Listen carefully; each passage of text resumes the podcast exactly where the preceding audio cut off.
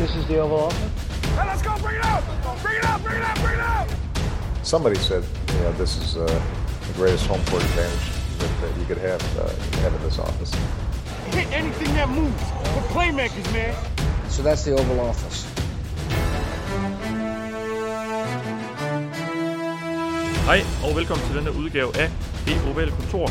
Vi optager onsdag den 27. maj, lidt over 7 om aftenen. Mathias Sørensen, og med mig har jeg som altid Thijs Joranger. Hej Thijs. Hej Mathias. Og Anders Kaltoft også med mig. Hej Anders. Hej Mathias. Og sidst men ikke mindst, Mark Skafte. Hej Mark. God aften, de her.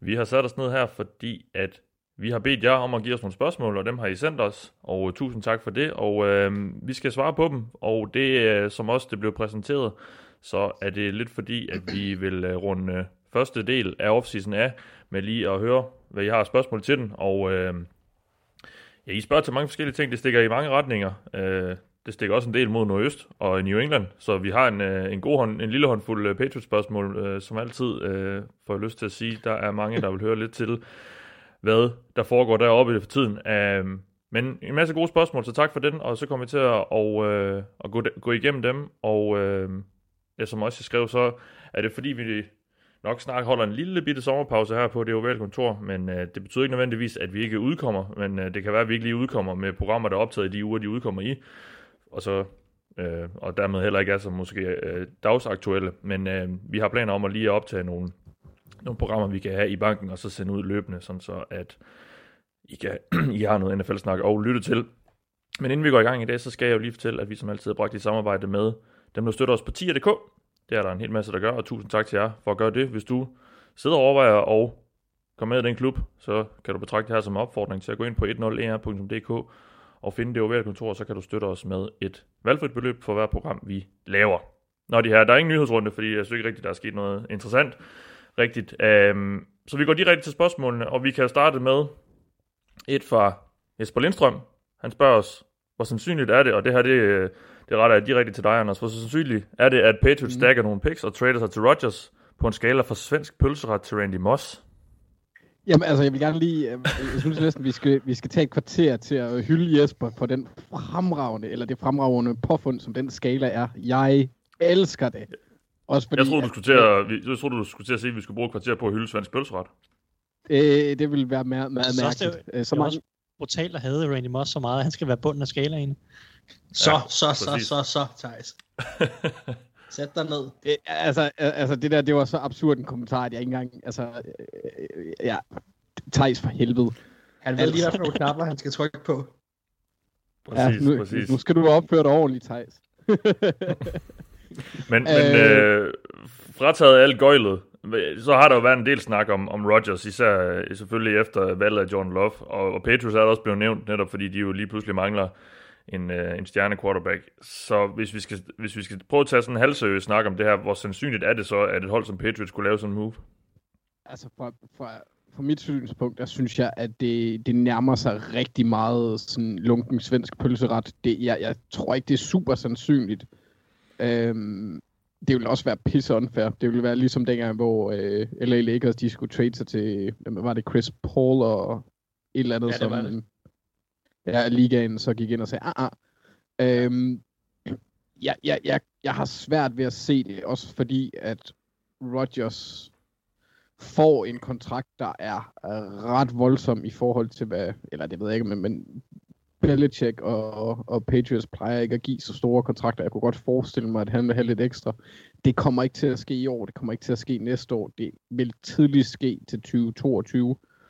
Øhm, der har jeg måske en idé om, at Patriots øjensynligt nok har enten skiftet regime eller fundet deres quarterback for fremtiden på det tidspunkt. Så det er meget svært at spå om lige nu, men jeg vil sige svensk pølseret. Så, okay. Ja, øhm, det er vel også... Jeg, jeg, jeg ser heller ikke lige uh, Bill Belichick som typen, der laver de her helt splashy moves. Øhm, det ved jeg ikke, uh, Thijs, hvad, hvad tænker du? Ej, jeg tror heller ikke ret meget på det. Hvert fald, det er jo sådan lidt, hvornår, hvornår snakker vi? Fordi hvis vi snakker nu her, totalt usandsynligt. Uh, altså, inden for det kommende, inden for det kommende, den her sæson i hvert fald. Næste sæson, stadig meget usandsynligt, tror jeg. Man ved selvfølgelig aldrig længere ud i fremtiden, men jeg, jeg, jeg ser det ikke ske Øh, fordi jeg tror Patriots, de enten så finder de noget med Stidham, eller så starter de forfra i en eller anden grad med noget, som de finder i draften. Det, det er mit bud i hvert fald, og ja, jeg, jeg kan også forestille mig, at Packers vil have en rigtig høj pris for Aaron Rodgers, og Patriots-organisationen virker ikke desperat nok til at vil være det hold, der falder i, uh, i den budkrig, tror jeg. Men uh, man skal da ikke udelukke noget længere ude i fremtiden, men, men jeg tror det sgu ikke. Det, det, det må jeg, jeg er enig med Anders, det må være svensk pølseret her. Altså, jeg, vil, okay. jeg, jeg, jeg vil godt give en, en rigtig, rigtig god kasse øl for at se Bill Belichick i hovedet den første gang Aaron Rodgers går rogue på banen og går fuldstændig udenom, hvad de har planlagt. Altså, Patriots er så detaljeret og micromanaged fra Bill Belichick og Josh McDaniels side, at, at han også synes, at han ville være et, et sjovt fit på den måde. Der er ikke nogen tvivl om, at han er talent for quarterback, men, men med det rygte, han er ved at opbygge sig lidt også nu her, og har, har haft igennem tiden, altså, så kan han ligefrem blive problembarn måske hos Patriots, og, og jeg vil, ej, jeg vil gerne se Bill Belichick i hovedet. Altså, det er, det tror jeg ikke, altså jeg kan ikke umiddelbart se, at det vil være et godt fedt. Jeg vil så sige, jeg, jeg, bryder, jeg kan egentlig okay de svensk pølseret, så jeg vil hellere sige, at det er en omgang pomfritter uden salt. Der kan jeg næsten ikke finde noget ja. værre. Nej, okay, godt. Jamen, så lægger vi den lidt ned. Pølseret. ja, okay. vi, vi lægger den lidt ned, så, så går vi videre til et spørgsmål fra Philip Søren Bonnet, der spørger os, hvem tror I bliver denne sæsons 2017 Jaguars, 2018 Bears, 2019 Bills Patriots, altså et hold med en middelmådig spillende quarterback, ligegyldig årsag, men med et super forsvar. Altså, da jeg lige læste først, så tænkte jeg øh, Patriots igen i år. Mm. Ja, det er en mulighed. Men uh, Bears igen kan også være en mulighed, hvis man tror på, at enten Foles eller Trubisky kan ramme noget, der minder middelmådet. Men jeg har faktisk to sjove bud, synes jeg. Og det ene, det, ene, det er øh, øh, Broncos. Hvis man er, altså jeg, jeg tror godt, at, øh, at, at altså jeg er lidt spændt på, hvad der sker med Drew Lock, og han har jo det er jo meget hypet, det her angreb nu. Øh, men, men det er også meget ungt og meget nyt stadigvæk, og der er meget pres på hans skuldre nu.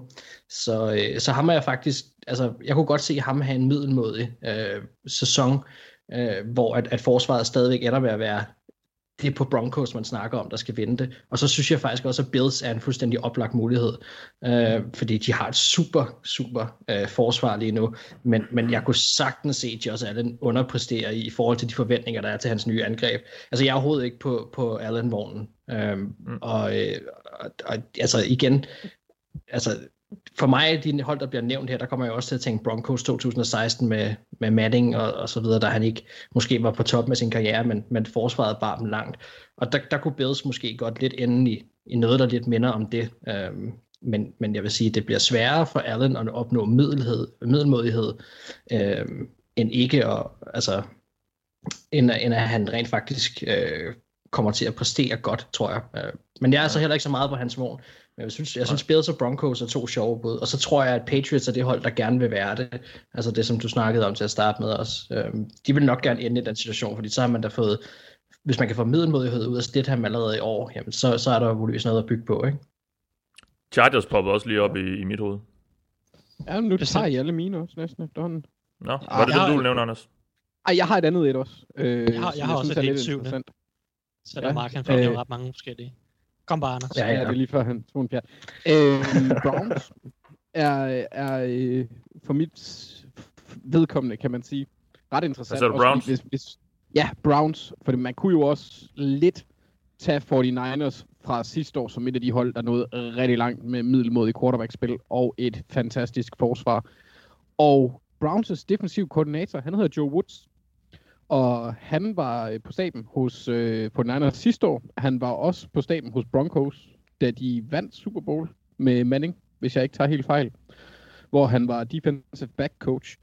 Men i forhold til, hvordan de er bygget, så er det nærmest kun på linebacker, hvor de ikke har talent nok til at kunne, øh, kunne blive dominerende forsvar med, øh, med den øh, front fire med, med Garrett Ogunjobi og Sheldon Richardson og Olivia Vernon, plus øh, Denzel Ward, hvis han lige kan op sig her i sin tredje sæson og vende lidt tilbage til det niveau, han havde i sin første.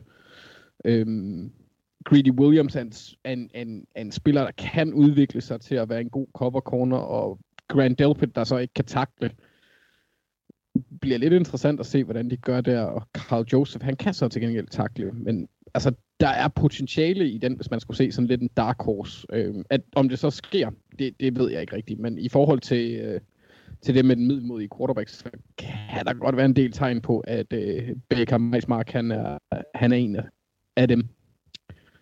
Så, Ja. ja, ja Brown. Thijs? Ja, jamen jeg har øh, et sidste bud så. Pittsburgh Steelers, Okay. potentielt.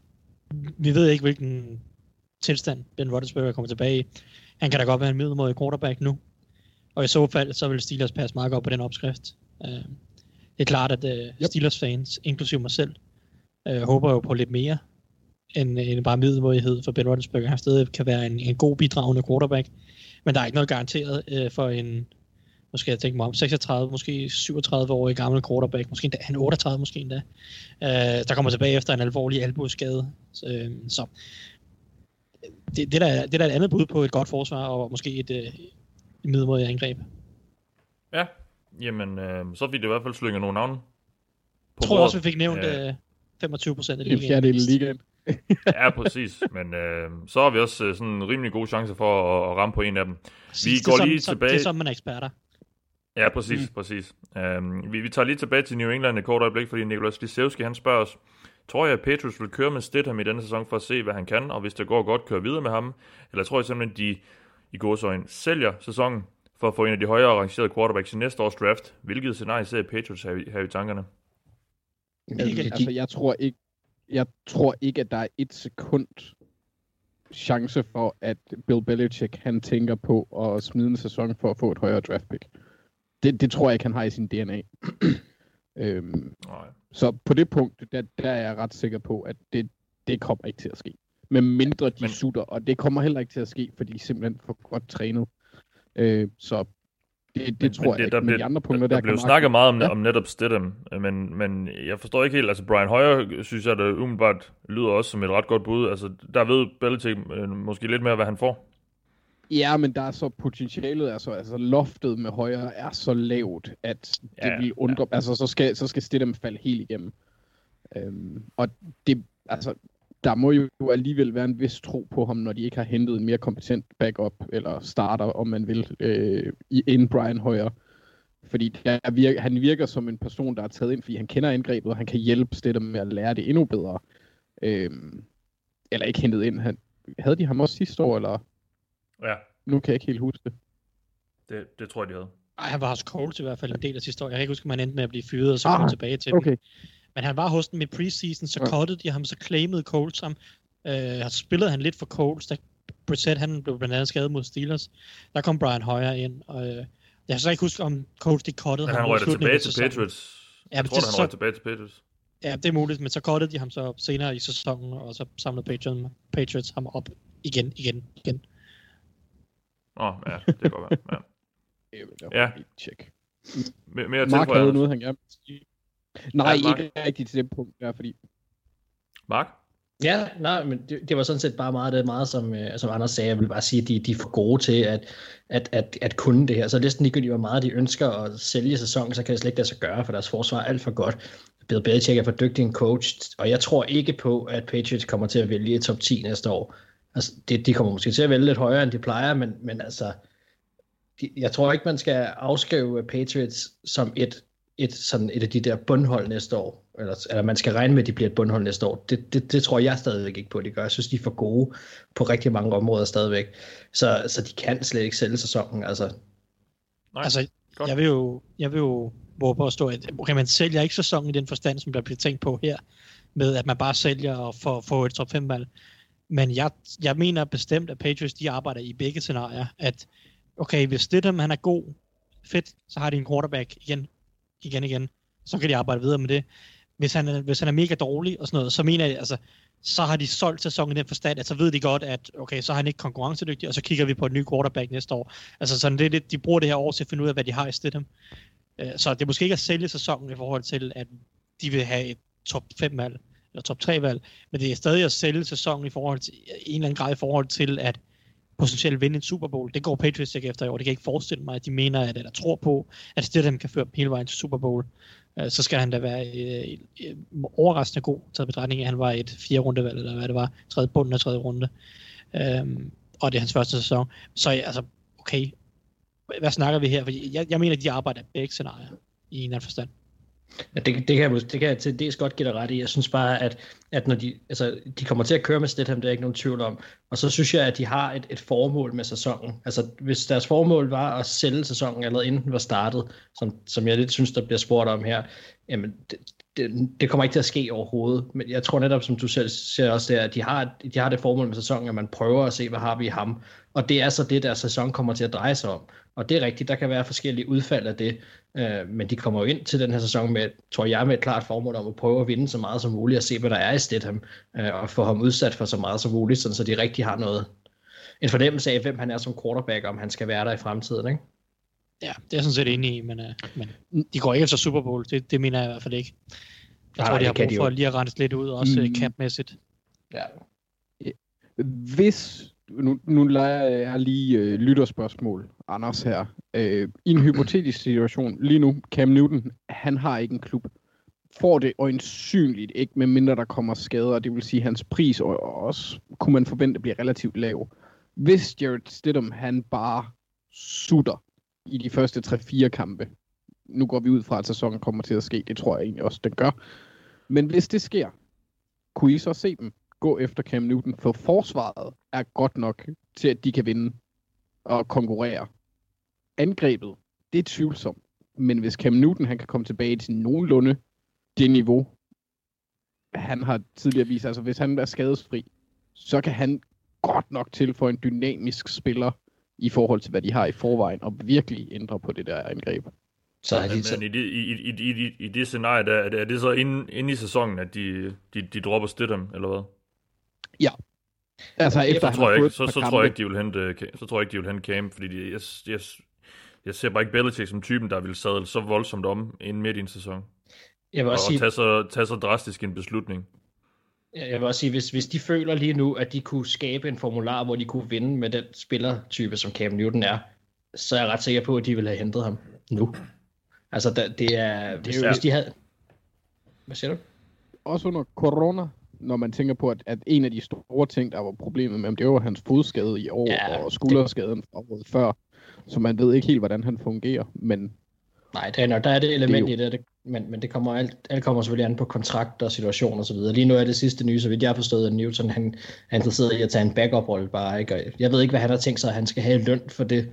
Øhm, så og jeg, jeg, tror også, han kunne måske godt være fristet af at arbejde sammen med Bill Belichick og vise sig frem sammen med ham.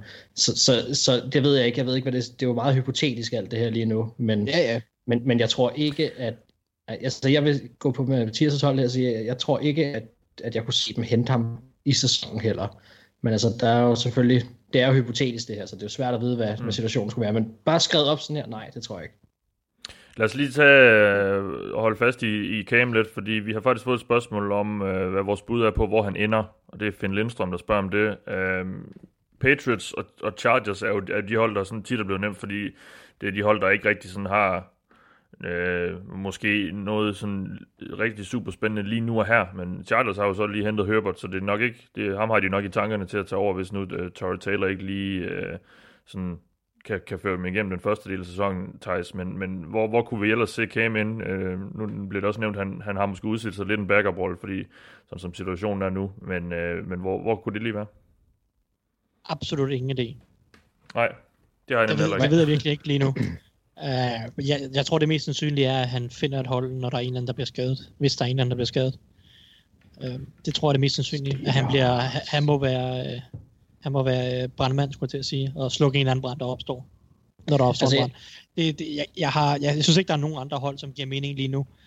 Uh, i, skrivende stund. Jeg synes, at alle hold har fundet deres plan på quarterback, om den så er lige overbevisen alle steder, det er det måske ikke, men Øh, der, der er for mange usikkerheder og alle mulige andre ting om Cam Newton til, at jeg tror, at han kan ændre på de planer, der er lagt lige nu. Mm. Jeg, har, jeg har et sted, hvor jeg synes, det kunne være sjovt, at han kom hen. Øhm, jeg kunne nemlig rigtig godt tænke mig, lad os nu sige, at han accepterer den her backup-rolle, og det er det, der er. Jeg har ikke tjekket, om det her det kan lade sig gøre med kappen, men, men det her, det synes jeg kunne være sjovt, hvis det skete. Jeg kunne godt tænke mig, at Cardinals lavede en luksus RG3, som skal forstås på den måde, det var det Baltimore gjorde, da de hentede RG3 ind som, som backup til, øh, til Lamar Jackson.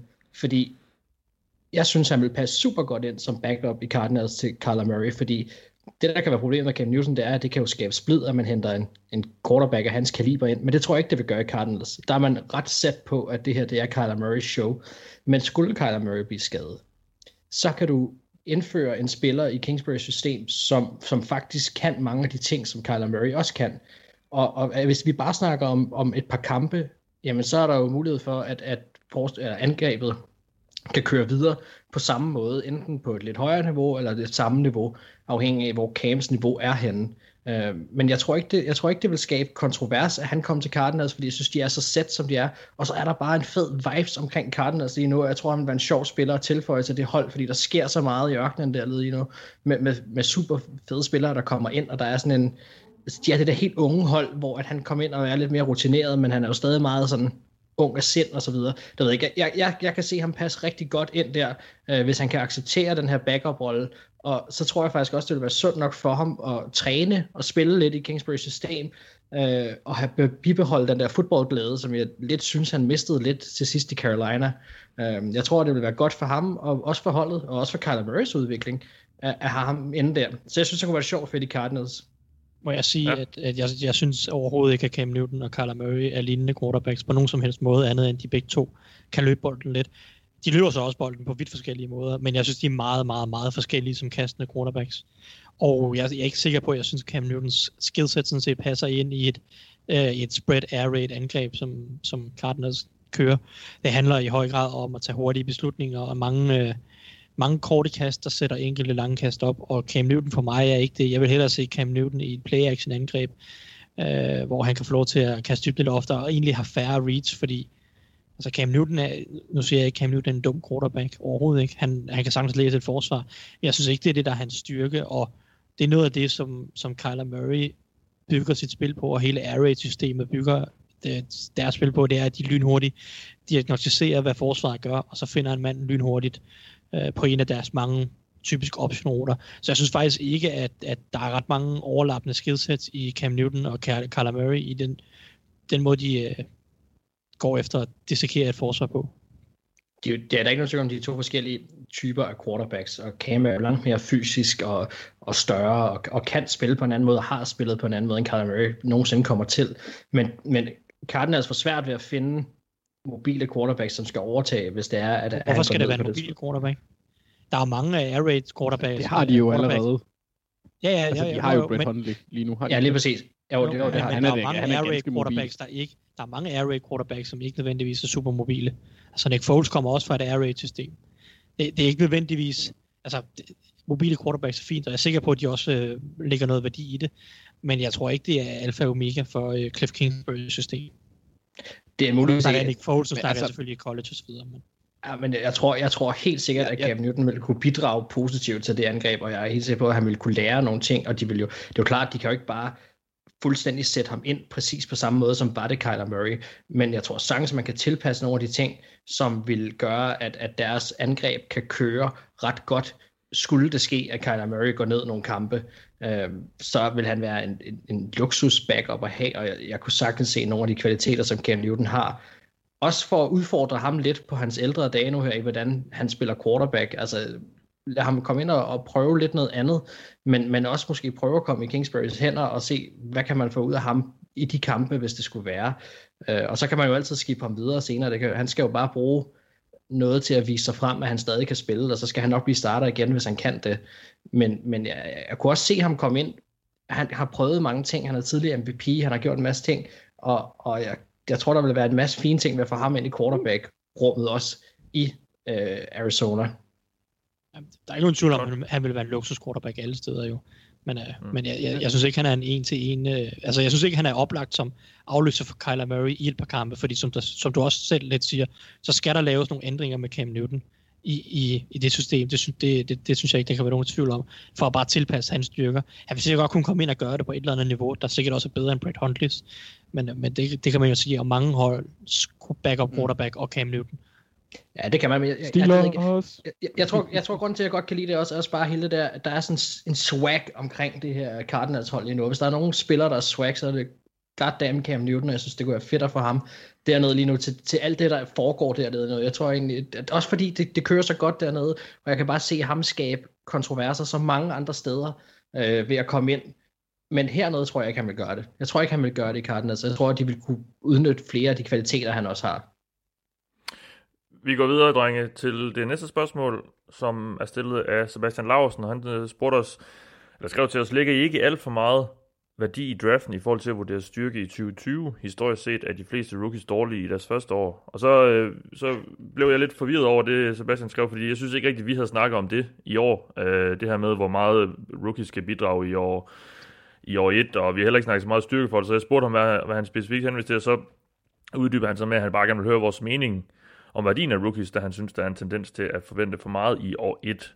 Øh, og jeg vil dem synes, at vi, jeg tror, vi har en forståelse af, at at rookies, øh, der måske ikke er de største forventninger til, at de kommer ind og revolutionerer noget hold i år 1. Øh, det er klart, at dem, vi taget i toppen af draften, skal jo gerne bidrage i større eller mindre grad, så kan man jo håbe på, at dem til sidst, de, øh, eller dem til sidst i draften, man tager, de, de kan sådan udfylde nogle lidt mindre roller. Øh, men hvordan ser I på det, Anders, eller hvordan ser du på det, Anders, i forhold til det her med, hvor meget, hvor meget kan et, en rookie-klasse gå ind og rykke ved øh, et holds øh, styrke i, i, i den første sæson?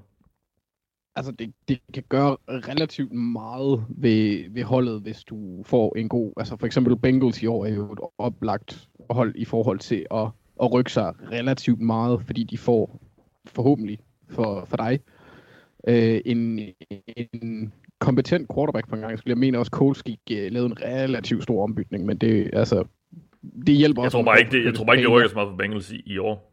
Men, Nej, men, ikke, men vi, vi så selvfølgelig Saints for et år siden. Men, Ja, men der, der, der tænker jeg også, fordi jeg har egentlig skrevet øh, to punkt, tre punkter faktisk. Øh, fordi i forhold til, det handler, hvis du vælger i top 10, så er der store forventninger til, at spilleren skal gøre en forskel. Han kommer øjensynligt ind på et hold, der er ret dårligt, så det kommer jo ikke til at gøre dem konkurrencedygtige langt hen ad vejen. Så har vi så holdets opbygning, øh, hvor, hvor Saints fra 2017, deres draft var jo øh, et, et fremragende eksempel på det, hvor de fik Marshawn Lattimore og øh, undskyld, og Alvin Kamara og en eller anden mere. Jeg kan ikke lige helt huske, hvem det var. Ryan Ramchick. Øh, men der er det sådan, yes, højre tackle. Fantastisk tackle, by the way. Og, øh, De fik også Marcus hvor- Williams, hvor er det- som er free safety. ja, som også, øh, han har haft nogle uheldige tider på, på, på tv. Øh, men god safety. Der var, bare, øh, var det ikke ham, øh, der missede på, øh, på Jo, Stefan Diggs. Diggs? Jo. Ja, øhm, men, men altså, hvis du har et hold som Saints for eksempel, hvor du har en rigtig, rigtig god kage, så kan rookie være glasuren, der gør den her kage ekstra smushy.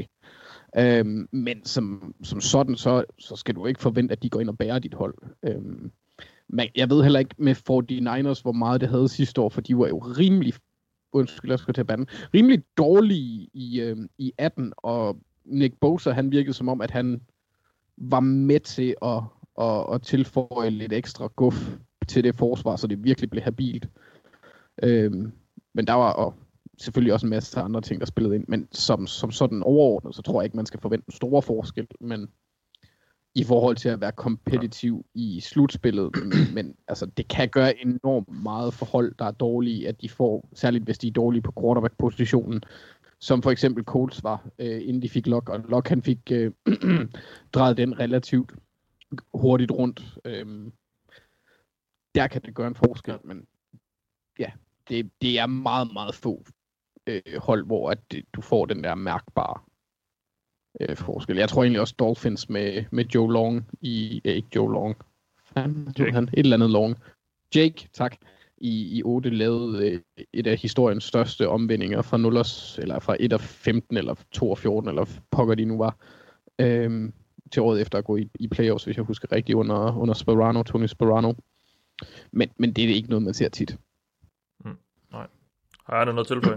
Ja, altså jeg vil sige, at jeg synes, at, at i de, jeg ved ikke hvor mange, 15-16 år eller sådan noget efterhånden, jeg har fulgt NFL sådan tæt, eller i hvert fald gået op i det, der synes jeg at klart, der er sket en forandring, fordi, fordi jeg kan huske, at jeg i lang tid synes, og havde det sådan, at der blev lagt for lidt. Øh, altså man havde en tendens til at undervurdere rookies rigtig meget, og underminere dem, og, og sige, at, at man ikke skulle regne med noget som helst. Øh, hvor jeg faktisk synes, at man godt kunne tillade sig at forvente noget mere af dem, og have lidt mere positiv tilgang til, hvad nogle af de her rookies skal komme ind og gøre. Og, og det synes jeg sådan set godt, man kan tillade sig at have.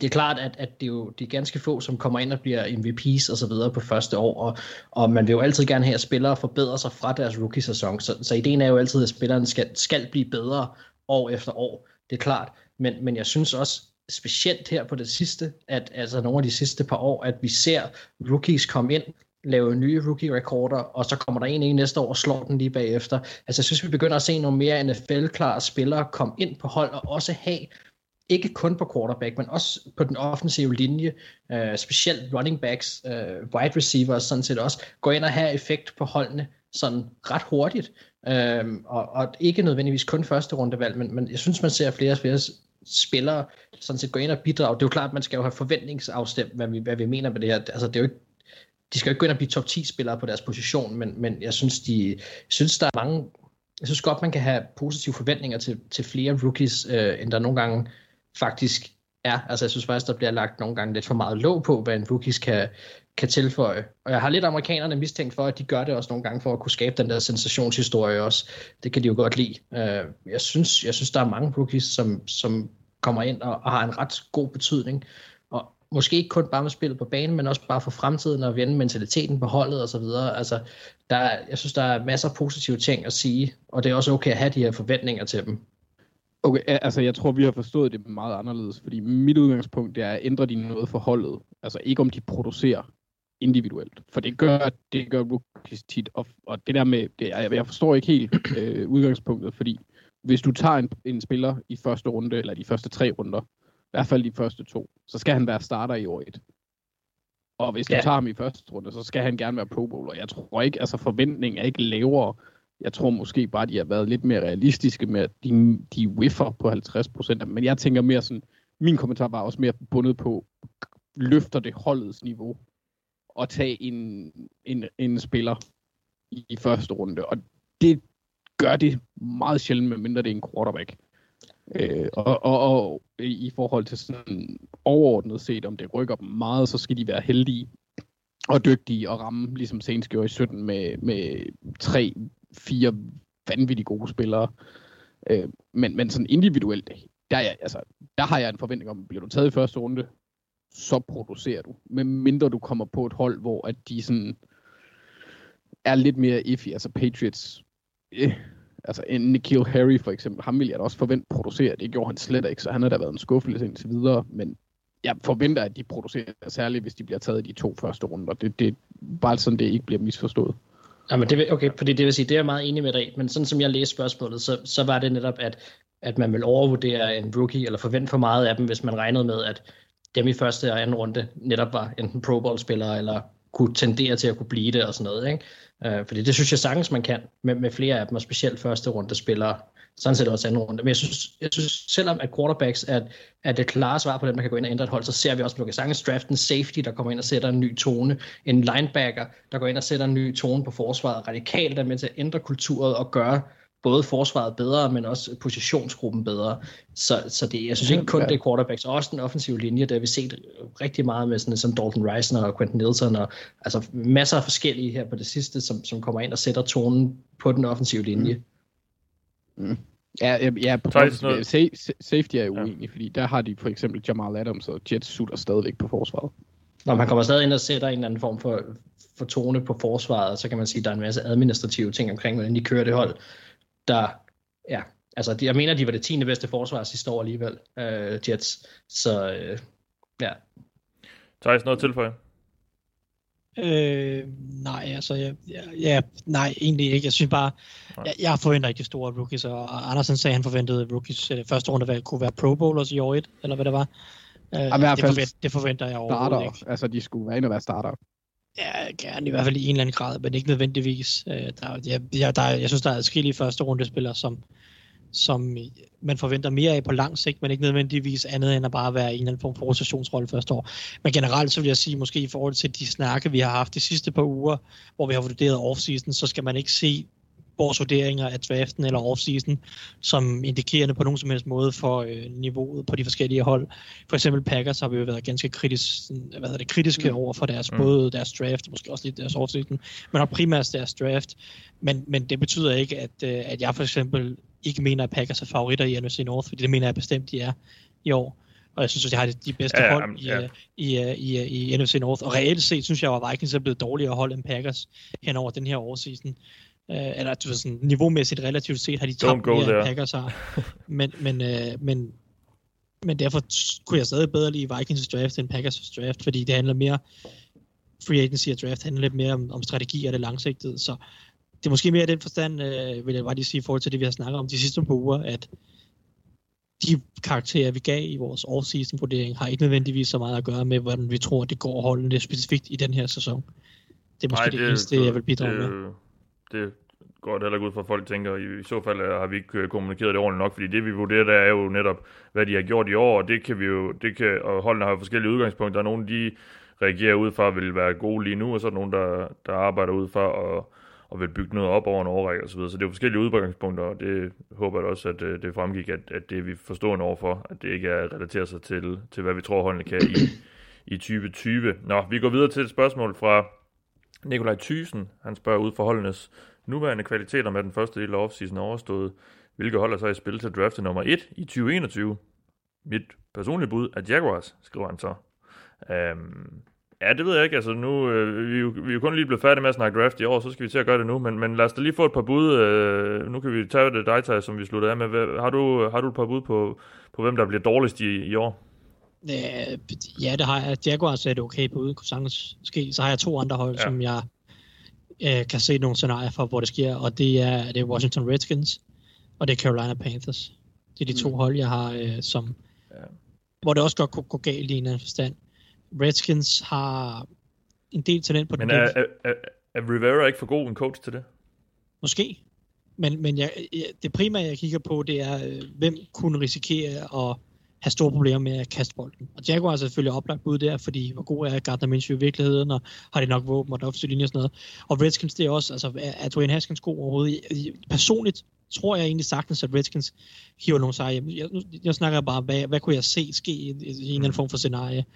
Personligt tror jeg nok mere, at Redskins vinder en 5-6 kampe, men Haskins synes, han har det svært, lidt tvivlsom offensiv linje. De mangler nogle offensive våben. Hvis de, hvis de får svært ved at kaste bolden, så er det bare svært at vinde mange fodboldkampe.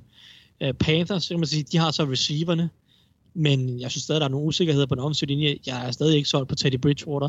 Og så er der så Panthers, de har så det med, at deres forsvar er skræk en regerende ringe på papiret, synes jeg. Jeg synes virkelig, det er dårligt. Og de skal virkelig have noget ud af nogle ukendte slags meget unge spillere, for at det her ikke skal være et forsvar, der ender i den nederste tredje, tredjedel af ligaen, tror jeg. Så, på, så for Panthers vedkommende vil det nok være, hvis forsvaret fuldstændig kollapser i en division, som bare har det ene uhyggelige angreb efter det andet. Øh, og samtidig med, at Teddy han ikke rigtig leverer noget specielt spektakulært offensivt. Så det er de tre hold, som, som jeg har dernede, eller potentielt kan ende dernede med en dårlig sæson. Så vil jeg også sige, Jets kan jo selvfølgelig også godt kollapse, hvis der absolut ikke er nogen tro på Adam Gaze. Men øh, ja, det er jo, det er jo sådan lidt, at det er lidt, det er lidt mere Adam Gaze-bundet end talent-bundet, tror jeg. Ja. Hvad med jer andre? Har I nogle bud? Altså, jeg, øh, jeg lavede en top 5 af min bund, da det var. Øhm, og, og nogle af de navne er jo blevet nævnt, fordi det de giver lidt sig selv, synes jeg. Men hvis jeg skulle nævne nogle af dem, som ikke er blevet nævnt, så, øh, så synes jeg, Lions er på vej samme vej, som, øh, som de kom fra. Øh, jeg ved godt, de har Matthew Stafford, men øh, der skal... Ja, det, jeg, jeg, jeg, jeg synes, Lions er et, et, et ret ringehold. Øh, og, øh, og så vil jeg kaste to ind, som, som måske er... Den ene er måske ikke så overraskende, men, men Bengals kunne jeg godt tænke mig at være lidt hård ved også, for jeg synes, de har et hårdt program. Så havde jeg kigget deres, øh, deres program igennem nu her, og, og jeg synes, jeg var sød, da jeg gav dem fire sejre. Øh, men men ja, det er jo klart, at det, det, det er svært at se. Det bliver jo et fuldstændig andet hold, der kommer på banen med Joe Burrow, og, og det er klart, at hvis han går ind og har Russell Wilson, jamen, så, så er det jo en anden sag, men, men jeg synes bare, at, at forudsætningerne for, at Bengals skal klare sig godt, den kommer på sigt, og ikke næste år. Så jeg kunne godt se, at Bengals kom til at ligge og kæmpe igen om at være i, i top 3. Um, og så er en lidt overraskende... Ja, det, ja okay. Ja, du kan, ja. Og så en lidt overraskende måske, det er Rams. Fordi jeg synes, Rams har en, en ret hård schedule også. Og, øh, og jeg har en eller anden fornemmelse af, at de godt kunne brænde sammen. Øh, og, og, og så tror jeg, det kan gå stærkt. Øh, jeg sad og kiggede igen deres, hele deres schedule igennem også, og, og jeg kunne heller ikke trække den på, altså mere end en, en 4-5 sejre. Det er selvfølgelig højst sandsynligt nok til at holde dem ude af, af, af det første valg, men, men jeg kunne sagtens se, at det går galt for dem også. Øhm, men jeg kan så ikke engang huske, om de så egentlig... Er der ikke så ikke noget med, at de egentlig ikke har et valg? Det har de vist ikke engang, vel? Har de et valg næste år overhovedet?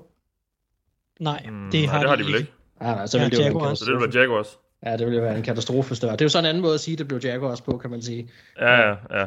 Det eneste, Ej, jeg vil det- sige, det er, at Rams og NFC West, de er jo parret med NFC, AFC East i år, vil jeg mærke. Så alene der, der har Rams sine fire første sejre. Mm. Ja, det er jeg ikke så sikker på. Øh, Anders, har du nogle bud?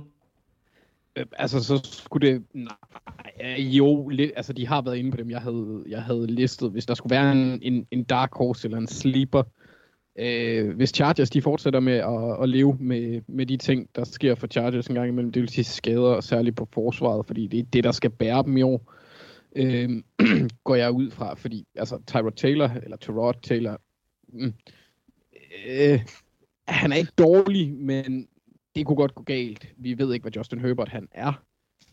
Deres offensive linje er suspekt, særligt på tackle, tackles. Øhm, så det, det, det skulle være en sleeper. Ikke at jeg tror det, fordi jeg håber lidt på, at de undgår skader, fordi deres forsvar er virkelig, virkelig sjovt at se, og særligt Dervin James glæder jeg mig til at ud, se udfolde sig. Så, men altså, det kunne være en sleeper. Ja, jamen, øh, her med et par bud til Nikolaj. Vi går videre til et spørgsmål fra Thomas White Enevoldsen. Og jeg går ud fra Thomas, han er Eagles-fan. Han spørger i hvert fald ind til, hvordan vi ser Greg Wards rolle i Eagles. Han sluttede godt af i sidste sæson, men en del nye receivers er kommet til. Kunne han ikke have fordel i at kende playbook og system i forhold til den anderledes preseason, Thijs? Jo, altså hvis man skal spare, svare specifikt Men på det, det, det, spørgsmål, det, så det, jo. kunne, det, det kunne Alton Jeffrey og Sega Whiteside og, og Deshaun Jackson vel også. Ja, jamen altså, Greg Ward har hård konkurrence i år. Eagles har hentet mange receiver ind, og får også et par andre tilbage fra skader. Som jeg ser Eagles wide receiver gruppe, så er Alshon Jeffrey, Deshaun Jackson og Jalen Rager nummer 1, 2 og 3, umiddelbart. I en eller anden forstand, og så JJ og Jacob Whiteside føler jeg også ret sikker på, føler jeg mig også ret sikker på, får en eller anden rosterplads. Om han bliver starter, øh, det er nok ganske tvivlsomt, men som backup i hvert fald, og som en spiller, de gerne vil prøve at udvikle mere på, han trods alt et andet rundevalg. Og så derefter, så skal vi til at finde ud af, hvem der skal have rosterpladserne. Og det er så spørgsmålet om Eagles kommer til at tage fem eller seks receiver med på rosteret. Jeg har lidt en fornemmelse af, at John Hightower, Kes uh, Watkins og Marcus Goodman formentlig kæmper om en rosterplads, kunne jeg godt forestille mig. Det er deres femte rundevalg og sjette rundevalg i år. Og så Marcus Goodman, som kom til for 49ers uh, øh, en, en lille trade. Som også er, det, det er alle tre nogle hurtige uh, speedster-typer, som jeg tror måske godt kunne kæmpe om den femte rosterplads. Og så er der så spørgsmålet om den sjette rosterplads er med. Jeg vil sige, det der taler for Greg Ward, det er jo, at han spiller special teams, hvilket nogle af de her andre typer ikke nødvendigvis gør. Uh, I hvert fald øh, de, de fire første, jeg nævnte umiddelbart. Greg Ward, han havde øh, nogle special team snaps sidste år, jeg mener, det var omkring 65. Og det kan jo hjælpe hans chancer for at være sjette mand. Og så er han måske også den mest rene slot receiver, de har. Uh, alle de andre er jo nærmest udvendige typer, så altså, jo, det er en fordel, han kender playbooken, og han har også nogle ting, der taler for ham, men altså, jeg ved ikke, han må jo indgå i en konkurrence sammen med mange af de andre. Øh, nogle af de sene draftvalg, de havde i år, og så typer som Marquis Goodwin og øh, øh, ja, nogle af de andre typer, de har på. Øh, Mm. skal de har en Shelton Gibson og nogle flere, jeg ikke kan huske, men det er så også ligegyldigt. Altså, mit bud er, at hvis han vinder en plads på holdet, så bliver det primært på grund af, at han, er lidt, han har noget special teams erfaring, og så kommer han til at agere femte eller sjette mand. Øh, hans, et, et andet håb, som er lidt et wildcard, det er, hvis de unge, det vil sige Jalen Rager eller JJ Checker Whiteside, virkelig imponerer i den her øh, preseason og vis, viser, at de er klar til at bidrage i år, så kunne Eagles måske finde på at cutte eller trade til Sean Jackson eller Sean Jeffrey, men, mm. men det virker trods alt usandsynligt. Så Greg Ward, det er nok i- bedste fald en rolle som femte receiver eller sjette receiver, og ellers så bliver det svært for ham at komme på rosteret, fordi Eagles har mange unge spillere, så jeg tror, de rigtig gerne vil prøve at udvikle. Ja, modtaget. Vi går videre til et spørgsmål fra Jakob Vej, og øh, Jakob han spørger os, hvor stor en betydning har en overmiddel positioncoach frem for en undermiddel på den NFL-hold? Og øh, ja, da jeg læste det her spørgsmål, øh, Mark, så kom jeg til at tænke på Seattle Seahawks, der for et par år siden øh, skibede øh, Tom Cable ud og ansat Mike Solari, Øh, Mike Solari, øh, og øh, som, som jeg lige husker, det var det stort set den stort set den samme offensiv linjegruppe øh, af spillere, øh, som gik fra at være horrible til at være sådan øh, nogenlunde, øh, nogenlunde acceptable. Øh, så så det, det er måske et, et tegn på, hvad, hvad en, en positionscoach kan gøre, eller hvad? Jeg synes, det er et meget godt eksempel. Altså, jeg vil bare sige, at, at det har betydning, om man har gode coaches. Altså, det er aldrig godt at have en coach, der er under middel. Uh, man skal jo gå efter at få så gode coaches som overhovedet muligt, og ligegyldigt på, hvad for en position det er. Altså, man er nødt til at huske på, at, at de her spillere er igennem en, om, en omstilling igennem hele deres karriere, fra high school til college, og fra college igen til NFL. Og, og, og det er klart, at der er nogle NFL-spillere, som er mere klar end andre, men, men det er jo næsten igennem hele tiden, at det er jo meget unge mennesker, som de arbejder med. Og de skal jo ikke bare lære at holde system, men de skal også lære at være i NFL.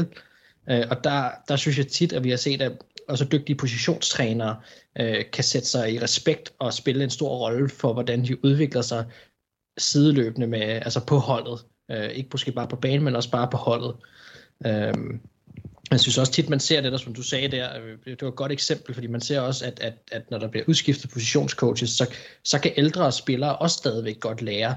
Øh, det kan ændre dynamikken hos en hel positionsgruppe, at der kommer en ind, som tænker lidt anderledes end den forrige træner. Og der er trænere, der er bedre end andre. Det er der bare ikke nogen tvivl om. Øh, og de her positionscoaches, synes jeg lidt, man skal se som, som robrødet i den her maskine, der får det hele til at løbe rundt. Og, og der er jo altså nogle gange, selvom man ser headcoachen på banen, og nu har jeg selvfølgelig ikke været på den der følhold, men, men mit indtryk er, at der nogle gange er lidt langt øh, op til toppen for alle spillere. Øhm, der er forskellige typer af headcoaches, som går mere op i den andre, men, men det er jo primært deres positionscoaches, de henvender sig til og, og er sammen med meget af tiden. Så det er jo dem, der står for en stor del af deres udvikling, og specielt rookies. Og der er det, altså når man får de her rookies ind, som man håber på skal, skal bære holdet, så er det jo enormt vigtigt at have positionscoaches, som, som, som kan tage, det, tage dem med, tage dem i hånden og udvikle dem godt. Altså, mm. så, så ja, synes, så det har en stor betydning.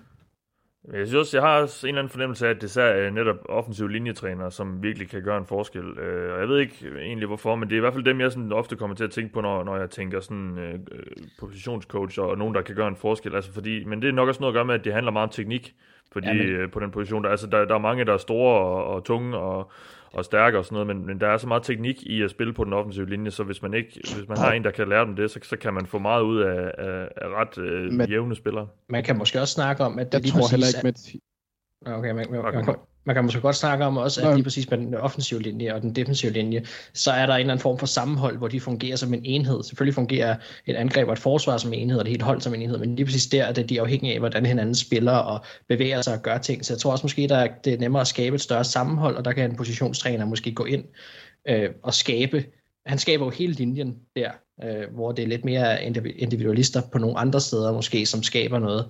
Og, og så har der jo været nogle, nogle hvad hedder det, nogle eksempler op. Øh, for et par år siden, der døde Vikings offensive linjetræner, inden sæsonen startede, og, og det er ikke sikkert, at det nogensinde var blevet en særlig god offensiv linje, men, men der har i hvert fald været meget snak om også bagefter, at, at det berørte dem enormt meget, øh, og de manglede ham, og at der var nogle ting her, som det skift var ikke nemt for dem at lave, og det er jo selvfølgelig klart, det var en tragisk hændelse, men, men det betød også noget for, hvordan linjen præsterede.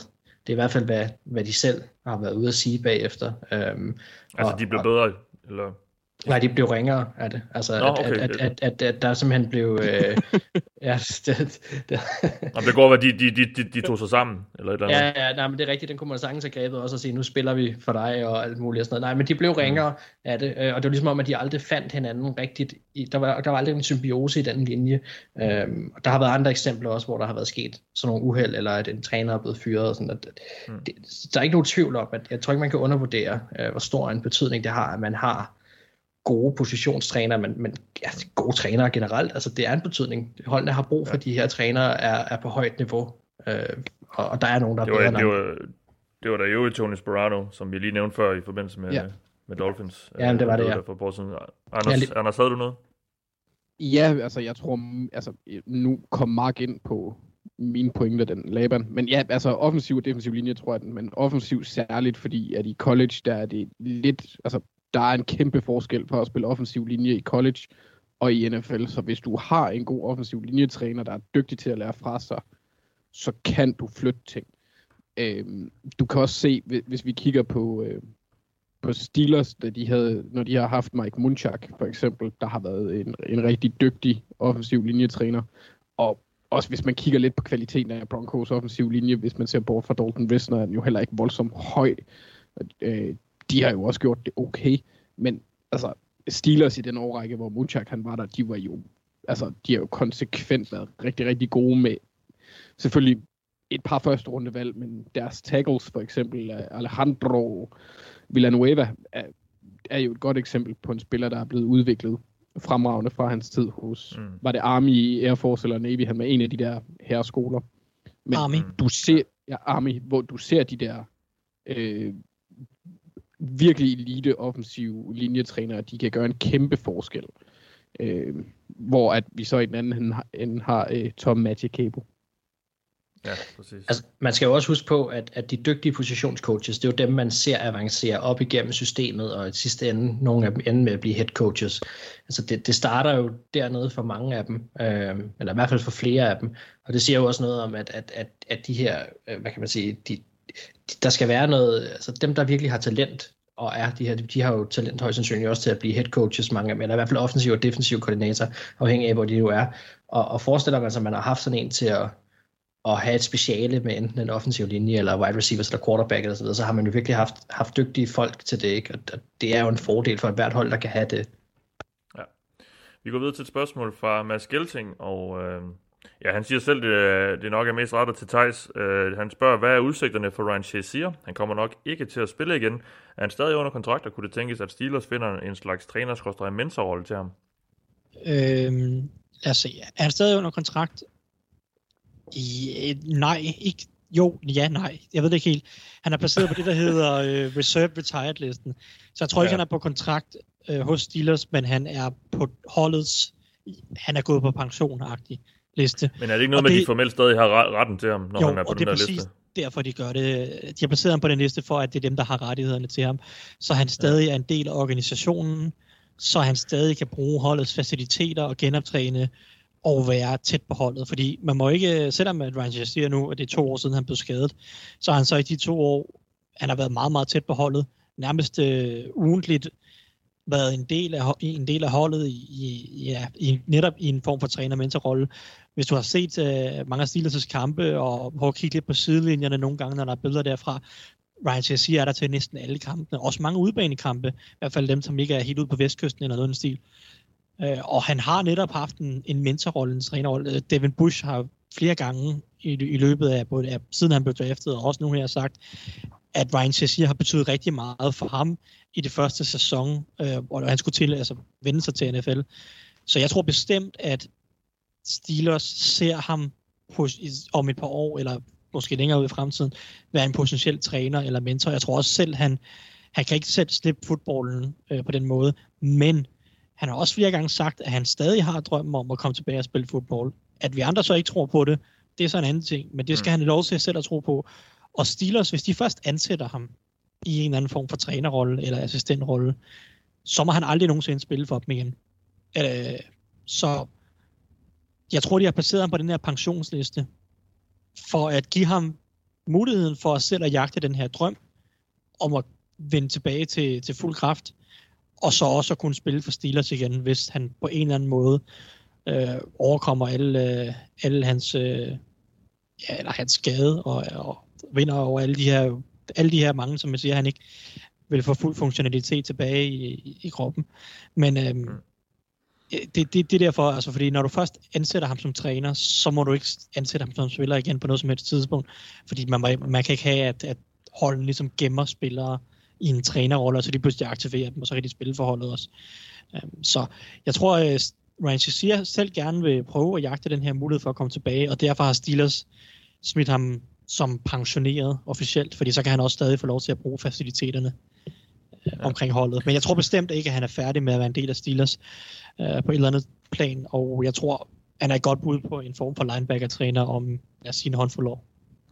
Modtaget det var godt nok, ja, jeg kom lige til at tænke på det, at skulle, det, var, det, var, det var virkelig synd for ham, han, han blev, at det var så voldsomt skade fordi selvom jeg er Bengals-fan, og, Bengals-fan, og der er, er, er påkrævet til at have Steelers, så, så var han sgu sjov at se. Så øh, et, et, et tab, øh, selvfølgelig et kæmpe tab for, for Steelers der, men øh, som også du siger, så lader det til, at han, han bidrager med, hvad han kan uden for banen.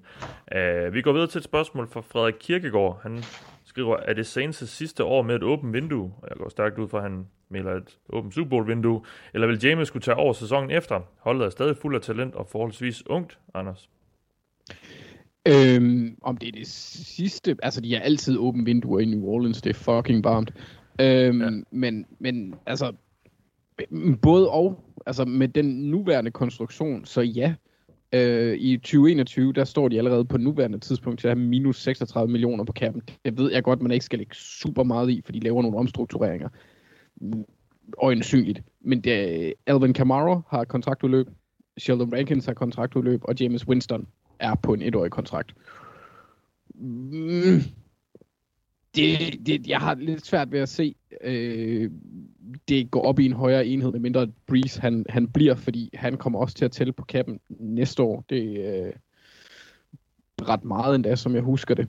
Så jeg vil sige, at det i hvert fald, det, det, står, det står lidt på klem. Det kan godt være, at de kan fortsætte, fordi de har en god træner, de har en fornuftig, altså synes generelt bare en fornuftig tilgang til det. Det er selvfølgelig også nemt, når man har en Hall of Fame quarterback, men det presser på i år. Øh, deres hold er ungt, men der er også mange af dem, der står, altså Marshawn Lattimore, han har muligvis et år mere, inden han, han endelig skal have sin lange kontrakt, ikke? eller det har han. Øhm, medmindre han begynder at brokke sig, og det tror jeg ikke, han gør. Men altså, det, jeg, har, jeg har svært ved at se det lige nu, fordi deres økonomiske situation ser lidt spøjs ud. Øh, så er det jo så spørgsmålet om Mickey Loomis, han kan lave nogle, øh, hvad hedder det, nogle tricks, sådan at, øh, at han kan øh, få det til at passe øh, lidt bedre, men lige nu der er det godt nok svært øh, at forestille sig, at de har ret meget at, at gøre. Altså, ja. så skulle det være fordi, at, øh, hvad hedder det, Taysom Hill, han viser sig faktisk at være øh, reinkarnationen, eller det ved jeg ikke, Steve Young lever stadigvæk, men hvis han laver en Steve Young med at få en karriere som røvgammel, øh, men altså, jeg har svært ved at se det med James Winston, fordi pff, der er nok også en, altså ja, næste år kunne jeg forestille mig, at der er en del flere hold, der, øh, der kommer til at gøre noget. Mm. Ja, modtaget. Jamen, I forhold til, øh, til quarterbacken. Ja, jeg tror ikke på hverken James, James eller Taysom Hill i Saints øh, i fremtiden. Det, det, det gør jeg simpelthen ikke. Uh, James, fordi det bare, det, det tror jeg bare ikke lige, og Taysom Hill, fordi han er bare ikke nogen god quarterback, tror jeg. Så uh, jeg er ikke sikker på, at der er nogen løsning for dem lige, uh, lige forløbig. Um, så kommer Nå, vi går videre Greg til Ward ind for siden. Ja, præcis. Ja, ja. Jamen, jeg tror faktisk, det, det er lige for, han er bedre, tror jeg, end Taysom Hill til at kaste bolden i hvert fald. Um, vi har fået et spørgsmål fra Stefan Kruse. Han spørger os, kan vi forklare lidt nærmere, hvad det betyder, når I siger om en receiver, at han løber gode ruter? Og der vil jeg så henvise til dig, Thijs, fordi du er jo vores øh, mand på en af vores folk på guld klud, der, der jo vurderer spiller op til draften, og når man kigger på en receiver, så er det blandt andet, om han løber gode ruter. Så når du vurderer, om en receiver løber gode ruter, eller ej, hvad er det så præcis, du, du kigger på? Jamen reelt set kan det jo være mange ting. Øh, fordi re- reelt set det at løbe gode ruter er jo bare at formå at kunne skabe separation ved, ved hjælp af sin, ja, altså reelt set bare skabe separation. Så er der så nogen, der gør det via de hurtige og sådan noget, men, men måske bare mere teknisk. Og, og det kan man egentlig gøre på mange måder. Man kan, man kan have super gode retningsskift, altså super agility, sådan meget smidig og fleksibel, så man kan skifte retning hurtigt. Øh, man kan være rigtig dygtig til at bruge forskellige fakes, øh, headfakes eller double moves, eller forskellige juke steps osv. Så, så kan det også bare være en, en spilforståelse for, og hvordan man, man skaber leverage mod en cornerback. Det vil sige sådan, hvordan du kommer ind på kroppen af ham, og, og hvilke punkter du rammer, og hvordan du ligesom får flyttet cornerbackens vægt, sådan at du kan bruge den mod ham. Også bare at, at finde måske nok, nok det mest overset eller undervurderede øh, øh, værdi eller trade i forhold til at løbe ruter, det er evnen til at udnytte og finde blind spots hos cornerbacks i den forstand, eller i den forstand, at når cornerbacken jo også typisk løber baglæns eller sidelæns, eller løber med receiveren, evnen til at få cornerbacken til at skifte retning en smule, eller vende hovedet, eller dreje hovedet lidt, skaber jo nogle situationer, som hvis du kan arbejde ind i nogle vinkler, hvor cornerbacken har lidt svært ved at se dig, lige bare et enkelt sekund, så kan du udnytte det moment jo til at, til at lave dit udfald, og dermed skabe en masse øh, separation, fordi cornerbacken lige et enkelt sekund eller et halvt sekund ikke lige har øjnene på dig, fordi han skal lige vende sig, han skal lige dreje hovedet, han skal lige det ene eller det andet. Så, så det, det er jo egentlig på, på mange forskellige måder. Du kan også bare være en meget, meget fysisk ruteløber, øh, som reelt set går ind og laver en lille smule push-offs, eller fordi du måske er en lidt større type, kan gå ind på kroppen af cornerbacken og ligesom bare skærme ham lidt, og skabe sådan lidt separation på den måde. I forhold til push-offs, så altså Antonio Brown var jo verdensmester i at lave push-offs. Altså, det var selvom, Randy Moss også, skal jeg huske, i, i Patriots-dagene. Der, der er rigtig, altså de er rigtig gode receiver, rigtig gode top-top ruteløberne, altså når vi snakker Stefan Dix og Michael Thomas og de her typer, de kan jo det hele, skulle jeg til at sige. Øh, de, de bruger fakes i alle mulige retninger, og de forstår blind spots og skabe leverage, øh, forstår coverages, så de hele tiden kan justere deres rute og justere timing af deres ruter, så de kan finde de rigtige vinduer og skabe separationer, og de forstår også at lave alle de her små ting, hvor de lige skubber cornerbacken på det rigtige tidspunkt, så den ikke og så får de det separation og sådan noget. Så reelt set kan det jo være mange ting, øh, og, og, og det du egentlig helst vil se, når du sidder og kigger på en spiller, det er, at han at han netop kan variere det, og han er, han er kreativ i en eller anden forstand, at man kan se, at han, han forstår, at, at han skal prøve nogle forskellige ting, og han så selvfølgelig lykkes med det i en eller anden grad, men, men at han netop bare forstår at sætte sig selv op. Om det så er ved at lave nogle forskellige moves, eller om det er øh, ændre tempoet i sine ruter, det kan også være en ting, ikke? hvis du nu løber alle dine ruter på 80%, og så lige pludselig i en kamp, så eksploderer du, så løber du en rute på 100%, måske 80 er lidt lavt sat, ikke? men altså, så kan du lige lægge 5-10% ekstra på din fart, eller omvendt, du kan tage 5-10% af, og så lave nogle andre ting, når du løber dine ruter. Altså det, er jo, det, det handler egentlig mest bare om, om variationen og evnen til at hele tiden sørge for, at cornerback gætter. Og der er det jo typisk de ruteløbere, som har en bedst forståelse for, hvordan han får cornerbackens vægt eller blindspots og alle de her ting, hvordan han bruger det mod cornerbacken, samtidig med, at han er kreativ i den måde, han, han skifter retning på, og de fakes, han laver, og den måde, han selv ligesom sælger de retningsskift, han laver. Så, så det, er jo sådan, det er jo sådan lidt en myriade af mange forskellige ting, som kan gøre en god ruteløber, og alle ruteløbere gør det lidt forskelligt og har nogle signaturer, øh, moves og sådan noget, men, men reelt set leder man bare efter folk, der er kreative og forstår at sætte sig selv op og forstår at bruge cornerbackens opgave slash momentum mod cornerbacken selv. Hvis det gav mening på nogen måde. Men det, det synes jeg i hvert fald, men, men jeg har også sådan i forhold til det, synes jeg, nu siger du variation, men hvis du for eksempel skal løbe, eller løber en slant route på en bestemt måde, og du skal sælge den til en intelligent cornerback, og du skal løbe en uh, post corner, hvor du først løber ind mod banen, og så bagefter trækker ud af, så er det meget vigtigt, at de løber slant-delen af den rute, eller de kommer ud af breaket på samme måde, som de normalt gør. For de her dygtige cornerbacks, de ser jo også film. Så hvis det er sådan, at man afviger øh, for meget i sit løb, for eksempel gør det med 5% mindre acceleration, når man kommer ud af breaket, så kan det godt være, at, de, at, at cornerbacken kan, kan regne, regne ud, at der kommer til at ske noget andet her, Øh, det kan jeg også huske en gang, hvor at jeg så, øh, jeg kan ikke huske, om det var Dion Sanders og Jerry Rice, der lavede et eller andet, men hvor at det er så ikke decideret løberute, det er løberuter, men det er også måden, de stiller op på. Hvis den er inkonsekvent, hvis de for eksempel løber stiller op på en anderledes måde, når de skal blokere, eller når de skal løbe slants i forhold til, når de skal løbe go route eller et eller andet andet, så vil de dygtige cornerbacks også læse de ting, hvis de har sådan en tell øh, ligesom med de fleste andre positioner, der er. Øh, men det er jo selvfølgelig ikke så meget øh, med selve løberuten, øh, det at løbe ruter. Jesus Christ. Ja, det er klart, der er helt sikkert også en, en, en høj grad af præcision, der er vigtig. Øh, hver eneste, altså specielt som du siger på de første måske 3-4-5 skridt, der skal det være planlagt, hvordan de gør det. Men så skal de jo så forstå også og smide noget variation, eller en skulderfake, eller et eller andet ind i den mm. måde, de stadig, så de, altså, så de kan løbe ruten præcis, for det handler også om timing. De, de der ruteløbere, der, øh, der laver fire fakes inden for de første syv skridt, de kommer jo for sent ud på ruten, så tager ruten jo for lang tid. Så der er jo også en forståelse af timing, mm. og, og, og, altså, fordi det nytter ikke noget, hvis du, du, kan, hvis du altid kan, altså alle receiverne vil kunne løbe sig fri på 5 sekunder, hvis de bare fik lov til at løbe rundt og gøjle. Men du har ikke 5 mm. sekunder, du skal løbe dig fri på halvanden to sekunder, hvis du skal være en god ruteløber i NFL. Så det handler om at samtidig, altså mens du er præcis og effektiv i dit, dit fodarbejde, stadig formår at bruge timing og vægten på sig selv og cornerbacken til at, at skabe separation hurtigt og tidligt. Øhm, så ja. ja. Vi, vi, øh, vi bliver lige lidt i det tekniske, og jeg kan jo så også af den grund lige blive lidt ved dig, Thijs, fordi Henrik Kølbæk han spørger os, hvor stor forskel er der egentlig på en guard og tackles atletiske kompetencer, og er det almindeligt anerkendt, at den ene position er mere prestigefyldt end den anden. Øh, jeg, jeg mener husk, vi har snakket lidt om det her før, så kan du ikke bare lige sådan lave en opsummering af, øh, hvad der kræves af en guard i, i forhold til en tackle omvendt?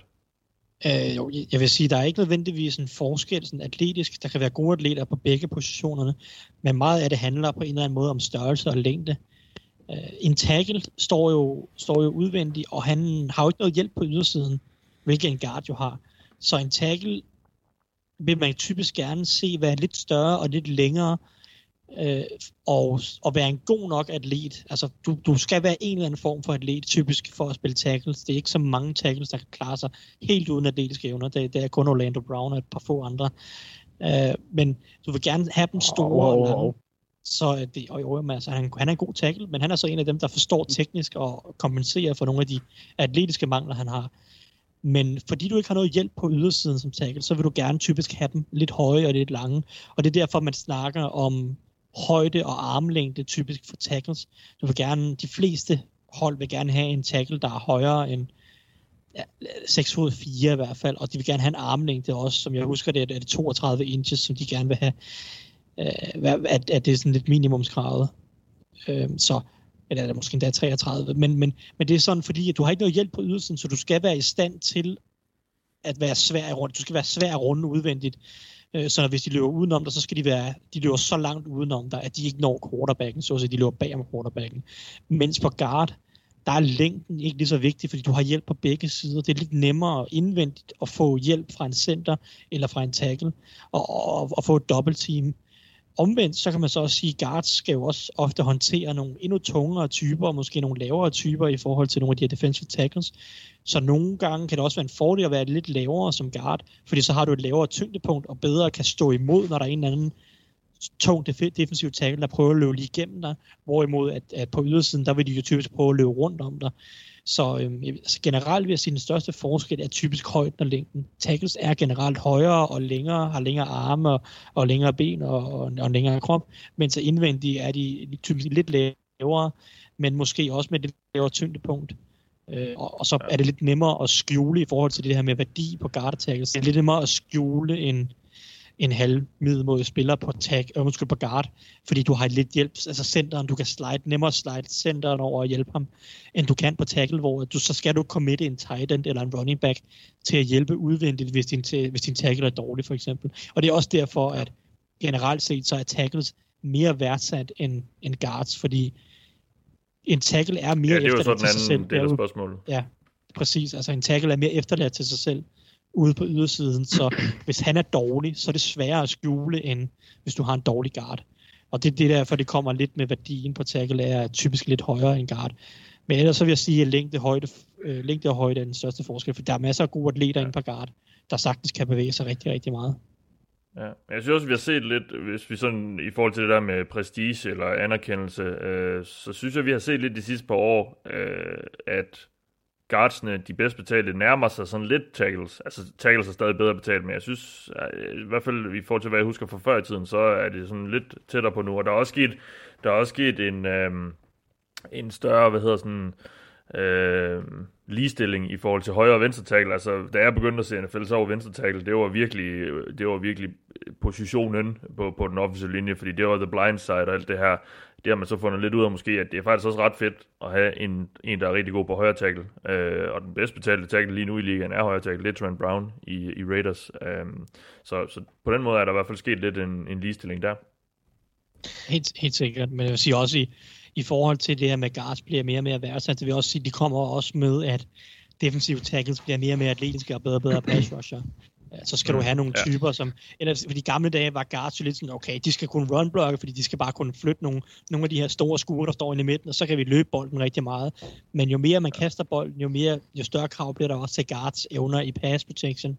Og når der er defensive tackles som Aaron Donald, der bare er umenneskeligt hurtig for en, en defensive tackle at være, så skal du også have nogle guards, der kan bevæge sig lidt, og så bliver de også, øh, skal de være lidt bedre atleter, og så bliver de også mere værd i en eller anden forstand. Øh, så så mm. det, det er klart, det kommer værdsættelsen af både højere tackles og guards for den sags skyld, kommer med, at, at, jo, at flere og flere hold får gode atleter til at komme efter quarterbacken, både på begge sider af den defensive linje og indvendigt. Jeg vil lige sige, at øh, nu ved jeg ikke, om det er med vilje, at, at positionen er undladt i spørgsmålet, men når vi snakker på prestige, så vil jeg godt lige slå et slag for centerpositionen, for jeg synes tit, den har det med at blive en lille smule glemt og undervurderet. Og, og jeg synes, at centeren er en af de mest essentielle positioner også i fodbold. Altså det, det er ham, der rører bolden altid. Altså det er ham, der starter spillet, men, men udover det, så, så skal han jo, han skal jo læse forsvaret og kalde blokeringer på linjen. Altså det, det afhænger rigtig meget af hans fodbold IQ, eller hvad man skal sige, og, og, og, og hans overblik over banen kan være helt afgørende for, hvordan spillet udfolder sig, men sådan set også, hvordan angrebet egentlig hænger sammen. Øhm, og nu ved jeg ikke, om det var med vilje, at, at vi kun snakkede guard og, og, og tackle her, men i forhold til prestige, så synes jeg i hvert fald, at centeren også skal nævnes som en, som, som tit bliver glemt, og jeg synes, at han har nogle roller, som, som man tit overser, at han har, og så kan man give quarterbacken eller en anden øh, hvad kan man sige, øh, den, de, de gode ting, hvis det er, at ah, det var fantastisk læst og så videre. Ikke? Ja, ja, men, men der var en center, som måske kaldte nogle blokeringer, eller samlede en blitz op, eller, eller gjorde noget andet, altså har nogle opgaver der, og, og på den anden side, så, så, så skal han jo selvfølgelig også hugge for, hvis, hvis der bliver blokeret helt skævt, så er det jo tit centeren, man også skal, man også skal kigge til. Så der er et samarbejde der, og, og, og det synes jeg bare er vigtigt at nævne også, når vi snakker de her spillere. Ja, men jeg tror også, der er en, efterhånden rimelig bred anerkendelse af, at en, en offensiv linje er ikke øh, bedre end sit svageste led. Altså, for, så, så har man en eller anden super dårlig spiller, så, så er det egentlig lidt ligegyldigt, om man måske har en god tackle, fordi hvis det hele ramler bare, så, så, så kommer quarterback stadig i problemer. Så øh, på den måde er der jo en idé at have en, en overall god linje. Nå, vi kaster lige bolden tilbage til øh, quarterback-snakken i Patriots, fordi Philip Røde Castella, han spørger, ser I Josh Rosen som et wildcard til at komme til Patriots og dyste med Jared Stidham og Brian Hoyer om starterpladsen på quarterback? Hvis nej, hvad er fremtiden for Josh Rosen? Uh, ja, jeg ved ikke, øh, Mark, det har jo været øh, populært siden Josh Rosen rundt til alle hold som sådan uh, i NFL, som måske har en eller anden øh, halvgammel øh, spiller som quarterback, og så, øh, og så kunne man få Rosen ind som en, der lige kunne, kunne sidde et par år, og så, øh, og så udvikle sig lidt, men hvad altså, han kunne ikke, han kunne ikke engang holde, øh, holde Fitzpatrick tilbage sidste år i Dolphins. Altså, hvad, hvad tror vi med Rosen, og kunne du se ham i Patriots? Altså, jeg, jeg er utrolig negativ på hans vegne. Øhm, jeg vil sige, at, at, at jeg har lavet et best case scenario og et worst case scenario øh, i forbindelse med det her spørgsmål. Og mit best case, det var, at han øh, på en eller anden måde kommer til et hold, øh, hvor træneren stoler nok på ham, og lad os sige, der sker en skade, eller der gør en eller anden omstændighed, at han får lov til at komme ind og få en chance, jamen så kan han, synes jeg, i best case scenario, så, så kan han måske få, noget, få sådan noget Case Keenum karriere, eller sådan en den stil, hvor at, at han kan være en prominent backup, eller sådan lige borderline starter, men det er, synes jeg, klart best case for ham. Og worst case er, at han er færdig nu. Altså, jeg, jeg, jeg har, giver efterhånden ret meget op på Josh Rosen. Jeg synes ikke, at man hører noget særligt positivt om, hvad, hans udvikling er, og som du selv siger, han kunne ikke engang holde Fitzpatrick til, altså det, det, det så spændende ud, da det var, at, at han blev skiftet for Cardinals. Altså, der var jo også sådan lidt omkring om, jamen altså, var det nu smart, at Cardinals altså gør det? Øh, det har det jo så vist sig at være, og, og, og jeg synes bare, at, at han har fået meget, han får meget snor, og det er måske også for tidligt at gøre det, godt være, jeg er meget negativ, men, men han skal også bare bevise noget på et eller andet tidspunkt. Altså, og, og det er jo på træningsbanen, og det er jo, han skal overbevise de coaches om, at han kan noget. Det synes jeg bare, han virker som om, han er svært ved. Og, og så bliver det bare svært at blive med at tale med ham, eller tale om ham i de her positive vendinger, som, som der også er blevet gjort. Man har jo forsøgt, at man gerne vil have noget godt ud af ham, og, og jeg synes også, at han har fået en hård start på sin karriere, og måske er det også derfor, at, at man ekstra gerne har ville, at det skal lykkes for ham, fordi han, han blev tildelt nogle hårde vilkår. Øhm, men men jeg, jeg er meget negativ omkring ham, og, og, og jeg kan sige, om han kommer til Patriots eller ej, altså det, igen, jeg har lidt sådan, så, så var det vel nok sket, hvis de var så interesserede i ham. Altså, det, det tror jeg ikke, han gør. Altså. Mm. Anders? Ja, yeah, yeah, jeg er så anderledes positivt stemt over for ham, fordi jeg synes ikke, at vi har set noget som helst om, hvad han kan, for han har spillet for to af de mest elendige hold du kan finde med de mest elendige offensive linjer. For hvis man ser bort fra Larry Fitzgerald, så har han ikke haft et våben, og Davante Parker, han havde en god nok sæson. Jeg synes heller ikke, at det er en dårlig ting, at man bliver slået af af den legendariske quarterback, der er Ryan Fitzpatrick. Øh, Ja, det men han er jo sjov, men, og, han, og han er også fed at se nogle gange, men han er jo ikke en, øh, han er jo ikke en, øh, en franchise saver. Altså, er det er, jo en mand, det, er jo, det er jo en mand, Josh Rosen skal slå. Det kan vi jo godt blive enige om. Nej, det synes jeg ikke. Ikke, ikke under de forhold. Jeg, altså der, der kan det godt være, at jeg er ukulig optimist i forhold men den offensive linje, som Dolphins de smed på banen sidste år, i- særligt da han kom ind og spillede, hvad var det, seks kampe, måske han fik tid i, der vil jeg nu nok også hellere sætte en erfaren quarterback ind, der har set ting, end jeg vil sætte en ung quarterback ind, der ikke har set ting, som også samtidig kan, hvad kan man sige, har, har lidt under det, jeg vil kalde David Carr-effekten med, at han bare er blevet knippet af forsvar. Og hans selvtillid, hvilket måske godt kan være, øh, hvis man skal tro rygterne i hvert fald, men det, jeg synes øh, omkring ham, øh, omkring Rosen til draft, at han var lidt for cocky. Jeg synes, han har fået en noget voldsom behandling også. Øh, Mm. I forhold til, vi udtaler os om for eksempel træning, det har vi ikke en skid idé om, hvad det, han har vist der. Det, det ved vi ikke. Vi kender ikke begrundelsen for, hvorfor Brian, Brian Flores han trak ham ind. Det kan også godt være, at han ikke er Brian Flores' type. Who knows? Hvis han ikke er det, så kommer han ikke til Patriots. Det er 100% sikkert. Men jeg kunne godt se ham med den, kan man sige, intelligens, han har, være en spiller, de kunne udvikle på. Og jeg tror ikke, han kommer til at koste voldsomt meget. Spørgsmålet er, om han ville være blevet traded nu, hvis det var sådan, det var under andre tider, øh, end, end lige de her coronadage. Mm. Jeg tror ikke, han er færdig. Han er 23. Jeg synes lige, vi skal slappe lidt af. Der, er, altså, hvad var det? Kurt Warner, han fik sit gennembrud som 27-årig. Nu var han godt nok undrafted og var igennem en masse ting. Der er spillere, der udvikler sig sent også, og, og, og hvor at, at lyset ligesom brænder lidt for tidligt.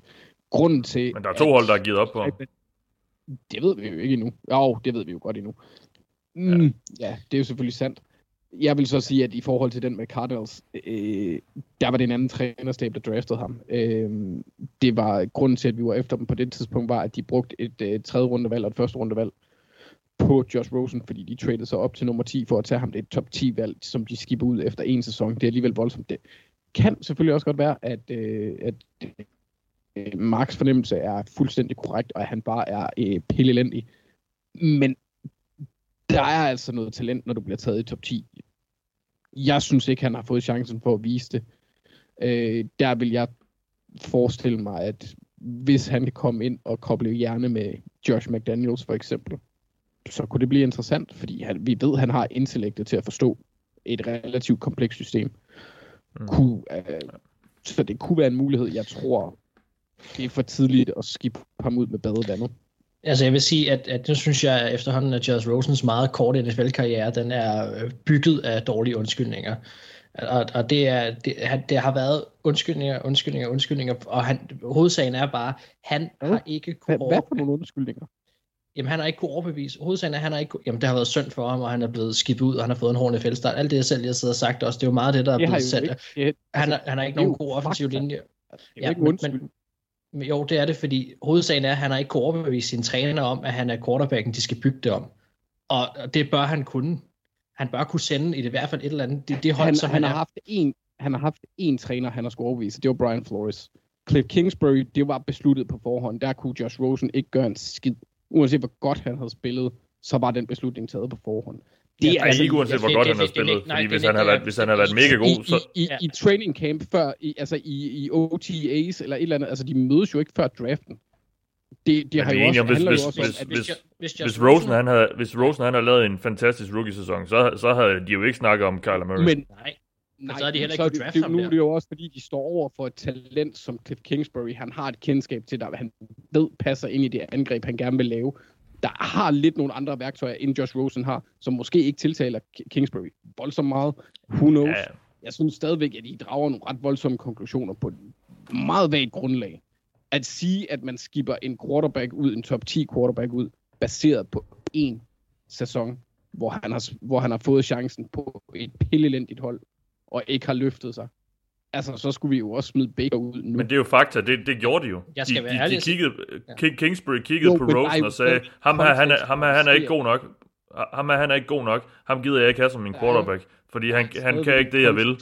Og hvis, Nej, der er stadig Lad mig lige en kontekst, færdig. hvor det sker. Ja, ja, men det betyder jo ikke, at han er en elendig at quarterback. Det betyder bare, at altså. han var ikke en quarterback for Kingsbury. Og at der var et måske vanvittigt stort talent, der var endnu større end en top 10 quarterback på det tidspunkt. Kyler Murray Mm. mm. er en anden type, tilføjer noget mere. Jeg synes, at det er en, en, en altså, det vil være mærkeligt at, at, at konkludere så voldsomt, som jeg synes, I gør lige nu. Altså, Der- manden der er er hvad, hvad, hvad, hvad er det for en voldsom konklusion, vi laver? At, at to hold har droppet ham? Der er masser af quarterbacks, der er blevet taget højt i draften, som ikke er blevet til noget efterfølgende. Men lige nu så står vi med, at Kyler Murray, Kyler Murray er blevet draftet, og Tua er blevet draftet. Og begge hold har haft Josh Rosen på holdet. Hvis han virkelig var den her top 10 værdige quarterback, så kunne han i det mindste gøre noget, der vil overbevise de træner om, at vi bliver nødt til at holde på ham og prøve at bygge noget op om og give ham en chance. Ligesom Dwayne Haskins og Daniel Jones og hvad ved jeg, alle mulige andre quarterbacks, som lige nu får det her leverage, hvor man forsøger at bygge noget op omkring den. Der er ikke været forsøgt at bygge noget som helst op omkring Josh Rosen på noget tidspunkt, og det må der være en grund til os. Og det kan godt være, at Cardinals var en speciel situation, men havde han spillet godt i Cardinals, så havde de, så, så havde de ikke draftet Murray. Altså, men du beder, det, det er jo ligesom at, at sige, øh, giv mig en pose med lort og sige, Anders, lav øh, kokovang. Altså, der er jo altid, jamen, der er jo altid de, med. de quarterbacks kommer jo altid ind jeg synes, jeg hold. synes, at konklusionen er for voldsom. Jo, men altså... Det, Men hvad er din altså, konklusion? Det betyder jo ikke... Når, jeg synes at han skal, at man skal prøve at tage chancen på ham. Der er jo noget talent, manden er ikke særlig gammel. Der er jo i hvis der Det er jo er ikke problemer med ham... det er jo ikke Der en konklusion, vi laver. der bliver valgt i tredje runde. Ja, det er præcis. Det, det, er jo ikke, det er jo ikke en konklusion, vi laver, at han er blevet droppet af to hold. Det er jo faktum. Betyder det, at han ikke kan spille i NFL? Nej, det er heller ikke det, vi siger. Hvis, altså, Nå, altså, han kunne da godt komme til Patriots og dyst med om pladsen. Det kunne han da sagtens. Mm. Skal han ikke lige etablere sig som backup altså, Altså- et andet sted først? Jamen, ja. Jo. Ja. Hvorfor dyst med på et sted, hvor, hvor de ikke har en starter? De har da en starter hos altså, Patriots. det kunne han da godt. Det ved vi jo sådan set ikke endnu, om de har. Jeg vil sige, det jeg, det jeg mente med, at hans worst case scenario var, at han var færdig nu, det er, at, at, at jeg mener, man skal slukke, at jeg i hvert fald vil slukke den drøm om, at han skulle blive til den her. At Det vil blive over, for, nu vil det, for nu af vil det overraske mig, hvis han går ind og er top 10 valg værdigt i resten af sin karriere. Jeg Så vil, så vil, jeg så, så vil jeg ikke for, blive, at så vil jeg blive meget, starte. meget, Lad ham lige snakke færdig, Anders. så vil jeg blive meget, meget, meget overrasket, hvis han kommer til at være det her øh, valg værd, som han er blevet taget med. Og jeg tror, at man skal slukke drømmen om, at han bliver en habil starter. Jeg tror, at hans best case scenario er, at han kan være heldig at komme på et hold, hvor man gider, og, og, og han connecter med en eller anden træner, som ser noget i ham og kan få et eller andet frem i ham, og så tror jeg måske, at han kan blive en borderline starter resten af sin karriere. Det kan han tjene fint med penge på, og måske kan han have hvad kan man sige, en, en, en, en ok karriere på det, men det kommer jo ikke til at være det top 10 valg værdig han er, og det er jo det vi snakker om, når vi snakker Josh Rosen, så får man så har det i hvert fald tidligere været, at mange får lys i øjnene, og der er det her, øh, den her udslibende diamant, som ligger et eller andet sted herude, og som det her hold, man kan få, og man kan bygge noget op, og så kan han potentielt blive en franchise quarterback. Og det, det er det, jeg mener. Hvis ikke han indtil nu har kunne overbevise nogen hold, og han har stadig på to hold, og når man bliver draftet højt, så kommer man på et lortehold. Og hvis ikke man kan overbevise sin træner om, at det mindste har, hvad kan man sige, nu snakker du meget om intelligensen på, men at han i mindste har nogle evner, som er værd at bygge op omkring. De to hold, han har været på, har draftet en ny quarterback året efter. Altså, det, det, det, det tegner bare ikke godt. Og det billede kan jeg ikke få noget positivt ud af, ligegyldigt hvor meget man vender og drejer det. Og det er det, jeg mener med, at det er bygget af dårlige undskyldninger. Fordi der er ikke, jeg synes ikke, der er noget positivt at sige omkring det. Jeg synes kun, der er negativt at sige. Jeg tror øh, måske ikke, vi kommer så meget videre øh, med den her snak, så jeg tænker, vi går videre til et spørgsmål fra Jakob Mortensen. Han spørger os, øh, han stiller et spørgsmål til de kloge hoved på sidelinjen. Det ved jeg ikke lige, hvordan vi skal tolke, Jakob. han spørger, der er øh, ikke, han der er ikke siger, jeg her. Nej, præcis, så det kan ikke, jeg tror, han har skrevet forkert, øh, eller til den forkerte, øh, til den forkerte øh, modtager. Øh, han skriver, jeg er stor Chiefs-fan, og på forskellige forums bliver der snakket om valget af Clyde i første runde som en mere taktisk, som, øh, en mere taktisk end som så, da det åbner muligheden for at kunne bruge 50 option, hvis man viser sig at være pengene værd, eller lade ham gå senere. Hvad siger I til den observation, Thijs? Mm, det lugter også af en belejlig undskyldning for at bruge første runde på en quarterback. Eller ja. running back, mener jeg. Ja. Uh, det, det kan jeg ikke forestille mig har haft ret meget skulle have sagt, hvis jeg skal være helt ærlig. Uh, hvis man tager en running back i første runde, så, så er det fordi, man mener, at han er det værd. Ikke fordi, at man får en 50 option med på det. Uh, det. Det tror jeg ikke, jeg har haft noget at skulle have sagt, hvis det skal være ærlig. Altså Chiefs, de, uh, de skal bare stå ved, og det har de sådan set også gjort. Der har ikke været nogen tvivl, men altså, de skal bare stå ved, at de to Clyde Edwards er i første runde, fordi de mener, at han kan give deres angreb helt vildt meget mere, end det allerede kan. Øh, så det er derfor, de gjorde det, og det må de jo så øh, stå på mål for. Og jeg tror ikke, der er så mange andre faktorer, end at de rigtig, rigtig godt kunne lide ham, og, jeg synes, og de synes selv, at de mangler en, en running back. Modtaget. Vi går videre til et spørgsmål fra Torben Kreiberg Selling. Og øh, han spørger os, kan vi få en dybere analyse af Cousins kontrakt med Vikings? Men mindre de skiller sig af med ham allerede efter denne sæson, står de til at have et cap hit på 45 millioner i 2022. Er man så sikker på Cousins hos Vikingerne, at man alligevel har planer om at forlænge efter 2022, så det bare er funny money, eller er man bare all in på en eksplosion af kappen? Med det nuværende lønloft virker 45 for Cousins i hvert fald helt absurd. Der tænker jeg lige, at vi skal have Mark ind øh, på banen her. Du er jo Vikings-fan. Øh, når du kigger på de her penge, Cousins har fået og står til at få, hvad, hvad ser du så situationen med ham i, i de kommende år? Ja, altså jeg var jo ret stor fan af, at man, man lavede den her aftale med ham. Øh, og det var af flere årsager. En ting var, at hans, hans base salary for i år gik fra at være lige knap 30 til kun at være 10. Så man sparede nogle penge på ham i år. Det brugte man blandt andet på at beholde Anthony Harris på et franchise tag.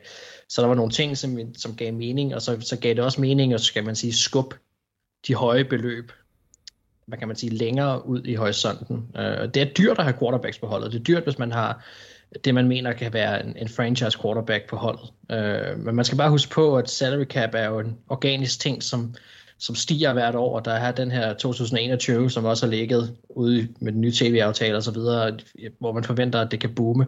Nu er der så snak om, hvad coronaen kommer til at gøre ved det, men men jeg tror nu, at man stadig skal forvente, at, at der sker et boom, specielt i 2021. Øh, men, øh, men inden da har det jo været sted med 10 år, så man skal jo tænke på, at, at når vi rammer det år, hvor Cousins skal have flest penge, ja, så er der en reel mulighed for, at de kan gøre det samme igen, hvis afhængig af, hvordan han har spillet. Men også, at, at, at det ikke er kommer til at se lige så voldsomt ud, som det gør nu. Altså Cousins, da han lavede den første aftale, blev den bedst betalte quarterback, som jeg husker i NFL, og nu mener han, at den femte eller 6. eller sådan noget. Det er noget af den stil. Den bliver i hvert fald skubbet nedad gradvist. Øhm, og og det, det er jo sådan, det fungerer. Der vil være nye quarterbacks, der får nye aftaler osv. Så, så kan man så vurdere, hvis han stadig ligger inden for top 10 bedst betalte, om, det så, om han så er det værd. Det kan jeg jo ikke sige nu. Altså, det, jeg aner ikke, hvordan han, han vil spille de næste par år. Øh, men der var nogle vigtige ting ved den aftale, udover som jeg også godt kunne lide, man gjorde, det var, at man fjernede hans no trade clause. Altså, han, man kunne ikke trade ham før. Øh, det kan man nu og så kan han blive transitions tagged, øh, og, det, og det kunne han heller ikke før. Så der var en masse ting, synes jeg, som, som sådan set egentlig var fordelagtigt for ham, fordi han, han skovler penge ind, men samtidig synes jeg også, at Vikings fik noget hentet tilbage, som de kan bruge til noget øh, på længere sigt. Så, så jeg synes egentlig, at, at, at, at man kan sige, der, der, der er nogle... Alt, alt det her afhænger jo af, hvordan man ser på Cousins som quarterback, og jeg er jo en af dem, som er forholdsvis glad for ham som quarterback, og jeg, jeg synes, det er fint nok, at man, man sørger for noget stabilitet på, på position nu her, og Vikings forblev i det, jeg vil kalde lidt et win-now-mode med ham ved roret. Um, og, og jeg ved ikke om, om, om 45, eller hvor meget det er, 44, hvis ikke man laver det om, hvis man har tænkt sig at beholde ham. Om det, om det i virkeligheden ender med at være øh, så absurd, som det ser ud i år. Altså, kappen rykker sig hele tiden. Ja, okay, men øh, ja, jeg, jeg synes jo, jeg synes personligt, at det er lidt vildt at komme med til Cousins i tre år mere. Og jeg er enig med dig i, at der skal ske noget der i 2022. Jeg kan ikke forestille mig, at han får lov til at spille på det der 45 millioner cap i 2022. Det virker helt håbløst. Og jeg, jeg, jeg må indrømme, ja, jeg ser også lidt anderledes på kosten, som jeg indrømme, fordi jeg synes ikke, at det her Vikings-hold i, ja, i de næste par år, jeg synes ikke, det ligner et hold, som Kirk Cousins kan eller kan bære Kirk Cousins i Super Bowl. For, fordi, for mit vedkommende er Kirk Cousins en fin cornerback, der er, der er ganske udmærket, og han øh, er en, en overmiddel starter, men han er ikke en mand, som kan løfte et hold i Super Bowl.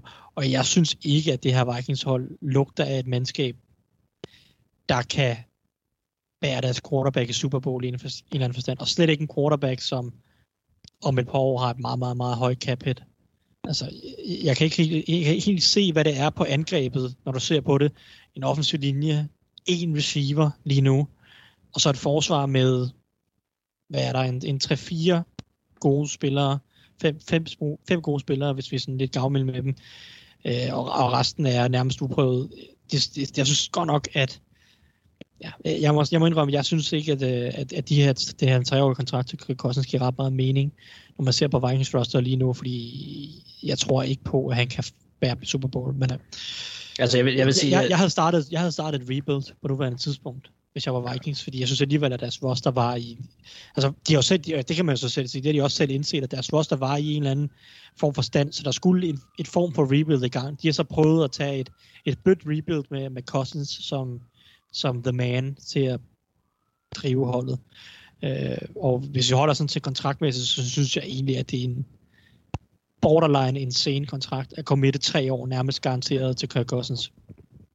Ja, altså, jeg, jeg, jeg vil sige, ja, vi, ser, vi ser forskelligt på det, og man kan sige, at, at Cousins har, har kun forbedret sig, øh, efter at, at han kom til, til Vikings, og, og sidste år under Stefanski, øh, jeg mener, han kastede 200 gange mindre, men alligevel var han effektiv for næsten halvanden yard mere per kast, han lavede, og nu er det ren Kubiak, og, og jeg kan rigtig godt lide parringen af ham og Kubiak, og jeg synes ikke, de kun har én spiller på angrebet. Jeg synes, de har, der er Adam Thielen, jeg synes, de har Dalvin Cook, jeg synes, de har Kyle Rudolph, jeg tror, Irv Smith ender med at være en rigtig, rigtig fin spiller, og så tror jeg, at Jefferson sagtens kan gå ind, også, også ikke bare i år, men også på sigt gå ind og være god på, øh, på angrebet. Det er klart, at på forsvaret er der nogle ting, som man skal være mere altså som er mere usikkert. Det er klart, at det her det bliver bygget langt hen ad vejen på rookies. Der er nogle ukendte faktorer omkring det, men jeg kan godt lide, at man giver øh, Kirk Cousins nøglerne til bussen, for jeg synes faktisk, han har bevist nok til, at han godt kan langt hen ad vejen. Jeg synes jeg, vi så mod Saints sidste år i playoffs. Jeg synes, der har været nogle rigtig fine ting for, for Cousins, øh, som fungerer rigtig godt, og det tror jeg sagtens, at man kan... Han, han, han er en quarterback, tror jeg, som, som trives øh, med sikkerhed, og der er sikkerhed for nu, at det er sådan, det kommer til at være, og jeg, jeg er enig i det, der, det bløde rebuild, de har lavet, som fan i hvert fald. Øh, så kan jeg godt lide det, de har gjort, for jeg tror på, at han, han kan godt komme til at føre dem langt. Og jeg ved jeg godt, der er mange, der ikke tror på, men, men, men jeg synes, at han forbedrer sig hele tiden. Og, og jeg synes også, at det er fint nok, når man har ham inden, og man har Kubiak, og man har de spillere omkring sig nu, at man giver det her et sidste run med ham som kaptajn ved roret, og så, så ser, hvad han kan i Kubiaks system, om han kan blive ved med at forbedre sig. For hvis han bliver ved med at forbedre sig, og er bedre næste år, end han var i år, så er han ikke bare en overmiddel quarterback, så begynder han altså virkelig at, at, at være øh, i top 10, altså, og, det, og så begynder det at være sjovt. Øh, og jeg synes, jeg synes, der er masser af spillere på Vikings hold, som kan en masse ting, og jeg synes, der hvor man skal sætte sin lid til, at, det, at der er nogen, der kan komme ind og, og, og gøre noget, jamen det er specielt cornerbacks, men der kan jeg godt lide, at man har Mike Zimmer for eksempel til at skulle til at skulle lære dem op. Det tror jeg godt kan være en fordel igen. Nu har vi snakket vigtigheden af coaches, som er dygtige på positioner jeg, ved, jeg synes ikke, og som du også nævnte tidligere, jeg synes ikke Packers er så store favoritter, som de gør os til. Øh, overhovedet ikke. Øh, jeg tror, nu får vi se sæsonen, når den, når den bliver spændt ud, om det er mig, der bliver gjort til skamme, eller om det er dig. Men, men, men jeg synes ikke, det er dyrt at have en quarterback. Og, og, øh, og, og, og jeg synes, det er, jeg, jeg, jeg, jeg synes, det er en fin aftale. Jeg synes overhovedet ikke, det er tæt på at være insane, at man giver øh, Cousins de her ting. Der var så mange andre ting i den her kontraktforlængelse, blandt andet, at han kunne trades, og at øh, man kan lave transition tag, og man kan lave forskellige ting med ham nu her, som man ikke kunne før. Der er masser af ting, der giver mening for Vikings, og man fik rykket noget øh, cap space nu her, der gjorde, at man kunne holde på, på, en, på en nøglespiller på forsvaret jeg synes, der er masser af fornuftige ting ved det her. Og ja, jeg ser, jeg ser nok positivt på det, men, men, men det, det er nu engang så, fordi, at det, det er sådan, jeg har det med det. Altså. Ja, men det er også det er helt fint. Jeg vil sige, en lille kort ting, det er, det der fungerede så godt med Vikings angreb og Kirk Cousins sæson i 2019, det var, at Vikings de tog bolden ud af Kirk Cousins hænder rigtig meget af tiden. Det var alt. Jeg, jeg, jeg vil sige, jeg sagde selv, at han kastede, jeg kastede, han kastede 200 gange mindre, men det var mere effektivt. Men det var stadig ham, ja. der vandt Saints-kampen på dem. Modtaget. Vi slutter af med at snakke lidt om os selv, fordi at Martin Torp Villemos, han spørger os, øh, han stiller os tre spørgsmål. Det første er, har I været i USA? Har I været i USA og set nogle kampe? Hvis ja, hvordan var oplevelsen? Tips til steder, man skal se fodbold. Jeg ved, jeg ved mig og Thijs har, fordi vi har været afsted et par gange sammen og se dem. Øh, jeg tror også, du har, Mark. Er det ikke sandt? Jo, altså jeg vil godt dvæle med, med to kampe, jeg i hvert fald har været Jeg har været over set tre, men to af dem jeg, jeg havde en, en fantastisk track record med, at de første to gange, jeg var også i kampe, året efter blev stadionet revet ned, eller, det, eller også flyttet holdet. Øh, for de første ja, år var jeg i San Diego, og bagefter var jeg i Atlanta. Øh, så, så man kan sige, det er farligt, og jeg tager også at fodbold det over for den stat. Men min allerførste NFL-kamp, jeg var overset, det var i San Diego Chargers. Og der var Peyton, det var mod, øh, hvad hedder det, Broncos. Og der var Peyton Manning quarterback, så det var, øh, det var Peyton Manning mod øh, Philip Rivers. Og jeg kan huske lige så tydeligt, det var Monday Night Football. Philip Rivers førte øh, Chargers til at føre 24-0. Og jeg sad sammen med en lille klikke Broncos-fan og havde købt en Manning-trøje. Øh, og min kammerat, der ikke så fodbold, men var med, havde en Chargers-trøje bare for the spirit of it. Og de sad og hyggede sig derover og så gik vi til halvleg. Og så kom Manning og Broncos ud, og så scorede de 35 point i streg, uden at Chargers scorede noget. Og i det, de, de scorede til det sidste, det sidste field goal blev sparket ind, der stod der en, en stor mørk mand ved siden af mig. Jeg aner ikke, hvad han hed. Jeg aner ikke, hvad han er. Han tog mig og løftede mig op i luften, mens han skreg af glæde. og jeg, jeg kan bare huske, det var første gang, jeg var altså i USA overhovedet, og så var jeg inde til kamp, og jeg, og jeg var bare sådan, så kiggede jeg på ham, og jeg var pisse bange, og så skreg jeg også bare ham ind i hovedet, og bare, og så fandt jeg ud af, at det var glæde over, at, at Broncos havde vundet. Jeg var ikke engang Broncos-fan, jeg synes bare, det var fedt. Og det var så vild en oplevelse. Altså, ej, det var virkelig, virkelig vildt. Ja, ja. Anders, Anders, har du været afsted? Nej, det har jeg ikke. Nej, nej. Jamen, så kan vi snakke lidt om øh, os andre. Øh, jeg har som sagt været øh, afsted med Thijs på gang, og øh, har også set et par andre kampe, blandt andet Super Bowl i Atlanta.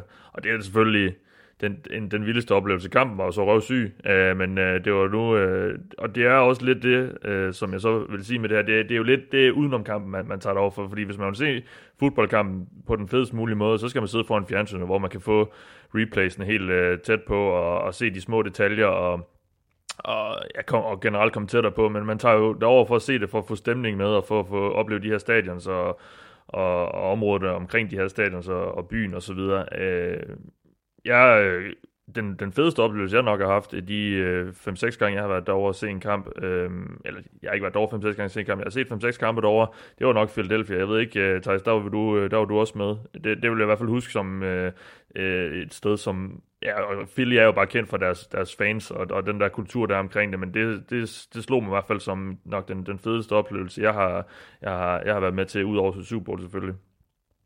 Helt sikkert, de, de er bindegale i, i Philadelphia. Ingen tvivl om det. Uh, ganske, ganske underholdende fangruppe. Meget, ja. meget larmende og, og ganske fjendtlige og, og meget homeragtige. Uh, men, men det er også sjovt. og, og de, uh, men, altså, men, men altså Philly er et fedt sted, og jeg vil også sige, nu uh, var jeg jo i sidste år øh, var jeg jo faktisk i Minnesota på deres nye stadion. Også et virkelig, virkelig fedt stadion, vil jeg sige. Ja. Øh, det var så også første gang, at jeg så øh, fodbold indendørs, så det var sådan set også meget rart, fordi jeg synes godt nok, det har været nogle kolde steder, ja. vi har siddet. Jeg kan godt huske, det var stor på Washington Redskins stadion, Mathias. Ja. Det var så også det, det, det, dårligt, det er så også det dårligste stadion, jeg har været på. Øh, ja. Og kampen var så heller ikke så god, og det var virkelig, virkelig koldt. Men, øhm, mm. men jeg vil sige, uh, Philadelphia er helt sikkert, og uh, Minnesota synes jeg også var fedt, og jeg synes faktisk også, at Patriots stadion er meget fedt. Øh, hvis, hvis man nu bare kunne ja. fjerne alle de der mange Patriots-fans. Præcis. altså jeg vil sige, at jeg vil give dig ret i det der, jeg var, nu er det godt nok desværre reddet ned, men der var så bygget ind ved siden af, som skulle være endnu federe, men jeg var i Atlanta, øh, den kamp, mm. der Julio Jones, han fik 300 yards mod Panthers, og det var så vanvittigt at være derinde.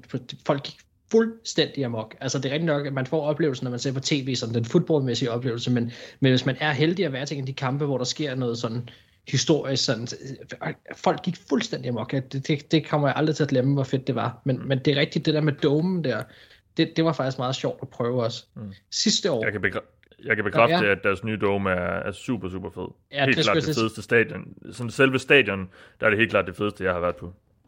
Jeg var i, uh, i Carolina sidste år, eller forrige år, jeg tror det var sidste år, og se uh, Seahawks mod Panthers. Og det er det eneste stadion, man kan besøge, som jeg har været på, som stadig eksisterer. Øh, men jeg vil så sige, at det synes jeg faktisk var et, var et ret fedt øh, stadion. Jeg synes se, hvor længe det holder. Men det var ret fedt, fordi det, det, det ligger... Det, altså man, når, når de holder tailgate, så er det ikke sådan Texas tailgate, som jeg jo egentlig sætter ret stor pris på, at man åbner køleren på en Chevy og smider bøffen direkte på og sådan noget. Altså det, det, det kan jeg jo godt lide, det har en vis charme. Men her der er det mere sådan familieorienteret. Der åbner de parken, og så er der sådan nogle store øh, ting, der bliver pustet op og sådan noget. Og så går man ind på stadion, og vi sad helt øverst, og du har bare skyline lige udenfor. Det ligger så downtown, det stadion. Og når de så begynder at råbe keep pounding på hver deres side af stadion, altså, øh, man bliver fuldstændig blæst bagover, når det er. Øh, det, er, det var faktisk, altså også facilitetsmæssigt, et af de federe, altså det fedeste stadion af dem, jeg så har været på, der var, det er, altså man kan se, se fodbold i North Carolina, det var, øh, det, er sjovt. Altså, det er et ret fedt stadion. Man skal bare håbe på solskin.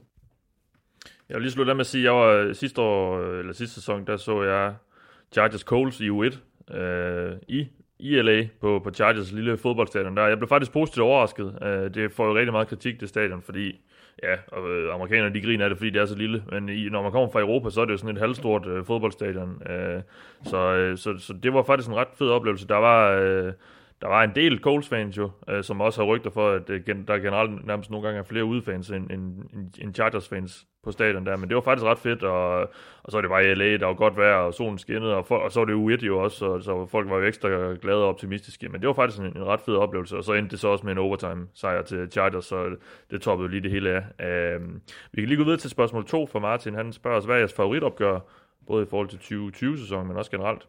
Jeg skal ærligt sige, jeg har ikke kastet mit blik overhovedet på, øh, på kampprogrammet for i år, fordi øh, det gør jeg generelt ikke, men slet ikke i år gider jeg, fordi det hele, jeg er ikke sikker på, at det kommer til at ende, som det er aftalt lige nu. Det øh, tror jeg ikke nødvendigvis ligger fast, eller, eller er sikkert på grund af corona og alle forholdene. Så, men jeg ved ikke, har I, har I udset jer noget i, i programmet i år? Altså, mener du, ja, du mener kun 2020? Ja. Ja, det er det, han spørger efter i hvert fald. Ja, altså, yeah. Nå, Anders, Anders, kører du bare yeah. først. Ja, og, og Mark, jeg vil også lige sige, at du må være Gul Kluds Sylvester Stallone, Demolition Man. Øh, den, ja. den, den er oplagt der. Det skal i hvert fald frygte, at jeg kommer til jeres by. Men øh, altså, som altid, så er, det, så er det Ravens Steelers på Thanksgiving, hvis tingene forløber, som, ja, øh, ja. som det skal. Det bliver en, øh, en brav af en kamp, øh, kunne jeg forestille mig, i, øh, i Ketchupland. Øh, det plejer det at være øh, med Big Ben forhåbentlig tilbage på et, et, et spændende niveau, så kan det være to exceptionelt stærke hold. Øh, hvis Lamar så også fortsætter med at, at, at spille på det absurd høje niveau, han gjorde sidste år, så bliver det en kamp, jeg ikke, øh, simpelthen ikke kan vente med at se. Det bliver super fedt, og så håber jeg også, at den ender med, at Tyson græder. Det kunne også være super fedt. Af glæde, tak, ja, det gør jeg også. Nej, nej, Tyson, ikke der. Ja. Men det gør det nu. Jeg ved ikke, vi skal høre mere om det. Har I andre udsat jer nogle kampe, I glæder jer til? Altså, hvis, hvis programmet får lov til at holde, så synes jeg, at, at, at Packers mod Vikings U1 personligt for mig, at, at det, er, det er for vild en kamp. Altså for vild en start på sæsonen.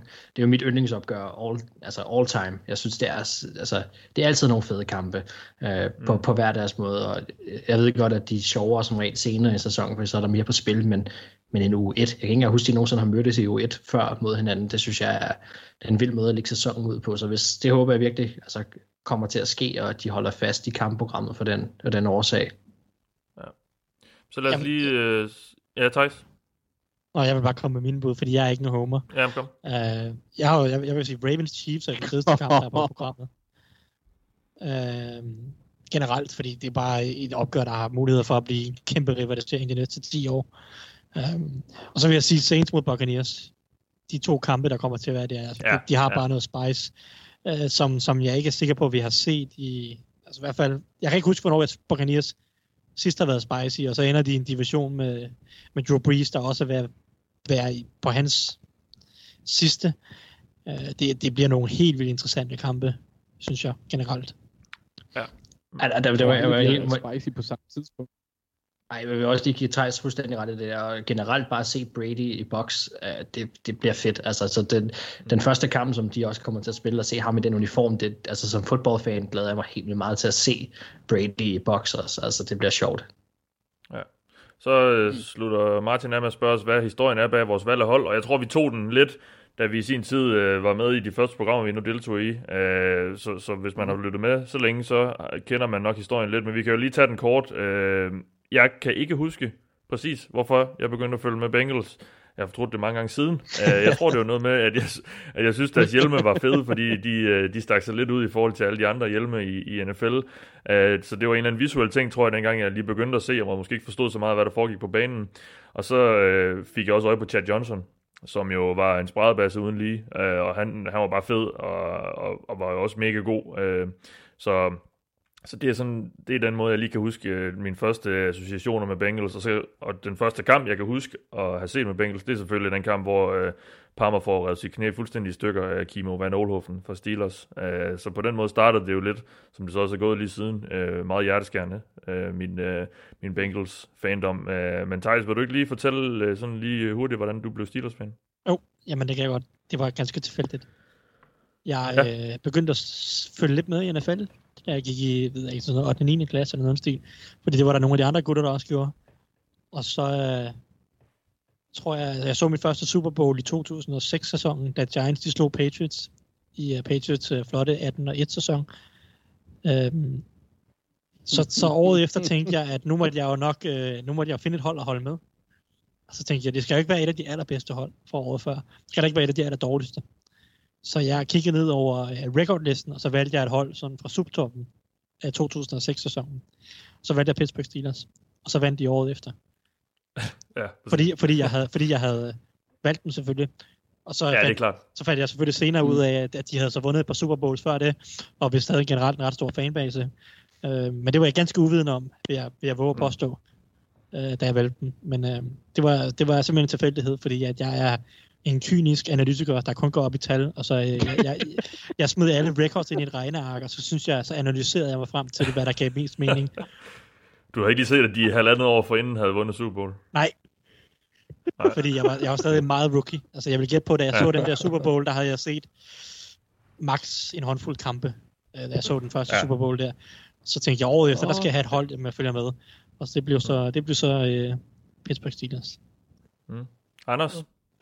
Ja, altså nu, nu, nu spørger Martin også, om, om vi havde en, en favoritkamp eller favoritopgør generelt, og mit oh, ja, det var også ja. der, jeg ligesom fik... Uh, nå, jamen det er bare fordi, det, det er grunden til, hvad der er, er i historien bag mit valg.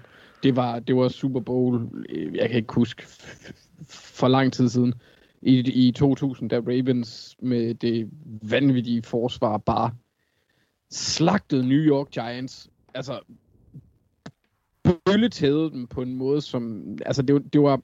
Jeg tror, Seahawks, Broncos var det nærmeste, men de, de var ikke i nærheden af at kunne gøre noget som helst i den kamp. Øhm, og det var, det var simpelthen øh, vanvittigt. Og så øh, var det året efter, tog de Ed Reed, som på alle måder er verdens fedeste spiller, både på banen og med swag og måden han er på. Ham, har, ham forelsker jeg mig i. Og så var jeg lost. Mm. Ja. Ja. Men så lad os slutte med at høre, uh, Mark. Øh, ja, altså jeg vil sige, at jeg har altid bare fornærmest helt til, at jeg kan huske, hvad bitter amerikansk sport, og det har så nok bare mest været, været NBA i sådan de spæde år. Øhm, jeg gik selv til basket og sådan, så, men så, så begyndte jeg at følge lidt med i, i NFL ved siden af, øh, og jeg kan huske den kamp, der vendte mig, var den Super Bowl, der hed Steelers Seahawks. Øh, den, den, den gjorde, at jeg var solgt min sjæl til fodbold frem for alt andet. Jeg havde set det, første. Ja, jamen, jeg havde set det lidt inden, men, men det havde ikke rigtig fanget mig rigtigt, og det var også lidt svært at se, sådan som jeg husker i hvert fald. Øh, og så begyndte jeg derefter at købe Madden, øh, fordi det havde lært mig NBA, at man kunne lære spillerne godt at kende på den måde, og, og også hvordan spillet er sat op og så videre. Det, det lærte jeg rimelig meget igennem Madden, kan jeg huske. Og der, øh, jamen der, der blev jeg bare vild med, med Antoine Winfield, kan jeg huske, af en eller anden årsag, jeg ved ikke hvorfor. Og så begyndte jeg at følge op på ham og læse om ham og se og sådan noget, og så, så blev jeg bare fan af ham, og så blev jeg fan af, af Vikings, og øh, Adrian Peterson kom ret hurtigt efter, og altså, det, det ved jeg ikke. Du snakker om, at du har fortrudt det mange gange siden. Det, altså, der er der, også, der er der nogle gange, hvor jeg også godt kunne have, kunne have siddet med den tanke. Altså, prøv at, jeg har siddet i flere år i træk, uden at have haft råd til Game Pass. Jeg ikke engang husker, at man måtte købe det, og sidde og set med popcorn og mad og alt muligt andet, og så sidde og set på NFL Network, det der lille skærm, hvor at der bevæger sig en lille bold, når det er, de spiller live. Ja, ja, Og, ja. og så, ikke? Det har jeg siddet og set så mange år i træk, og når jeg sidder og tænker tilbage på det nu, så er det helt vanvittigt. Men jeg siger, at jeg har set alle Vikings kampe. Altså, det har jeg jo så ikke, fordi at det er jo den måde, jeg har siddet og set det på. Og så hvis man er heldig, så kom der et highlight. Men, men det var sådan, jeg sad i flere år og så det. Og det, altså, jeg synes, når jeg tænker tilbage på det, du synes, det har været helt vildt at have gjort det, men jeg, jeg faldt bare fuldstændig dash for sporten, og så, så for Vikings også. Altså, det er, ja, det er sådan, der er jo lidt forskellige indgangsvinkler til det, men, men primært tror jeg egentlig, det var Madden, der, der lærte mig det, der, der hvor jeg sådan begyndte at forelske mig i en enkelt spiller, og ja, ja, så kom det sådan der omkring. Så, så, så det er ikke, øh, nu blev det jo, så jeg kan regne ud, da du begyndte, der blev det vist på Zulu dengang, der, men det er, ikke, det er så ikke Elmingbrødrenes øh, Vikings, øh, øh, øh, hvad hedder det sådan noget, øh, fanforhold, der, der har gjort, at du også er blevet det. Nej, altså det, det kan godt være, det er smittet af på en eller anden måde. Det, det, det husker jeg det ikke, som om det er, fordi jeg var egentlig bare mere fascineret af hele sporten og alt omkring det. Jeg synes, jeg synes det var spændende med Morten Andersen jo også og sådan noget, ikke? At det, men, men det er, men det, det, det var egentlig mest igennem matten, og så, så tror jeg, de ramte, så det var lidt min yndlingsfarve, den der letter der også, og så synes jeg sgu, det var meget fedt med, med vikingerne også og sådan noget, så ja, men altså primært handlede det egentlig mest om min fascination for Anton Winfield langt hen ad vejen. Um, altså den første trøje, jeg nogensinde købte, det var en Sean Alexander, men det var jo så baseret på netop Seahawks uh, Steelers der, ikke? Så uh, ja.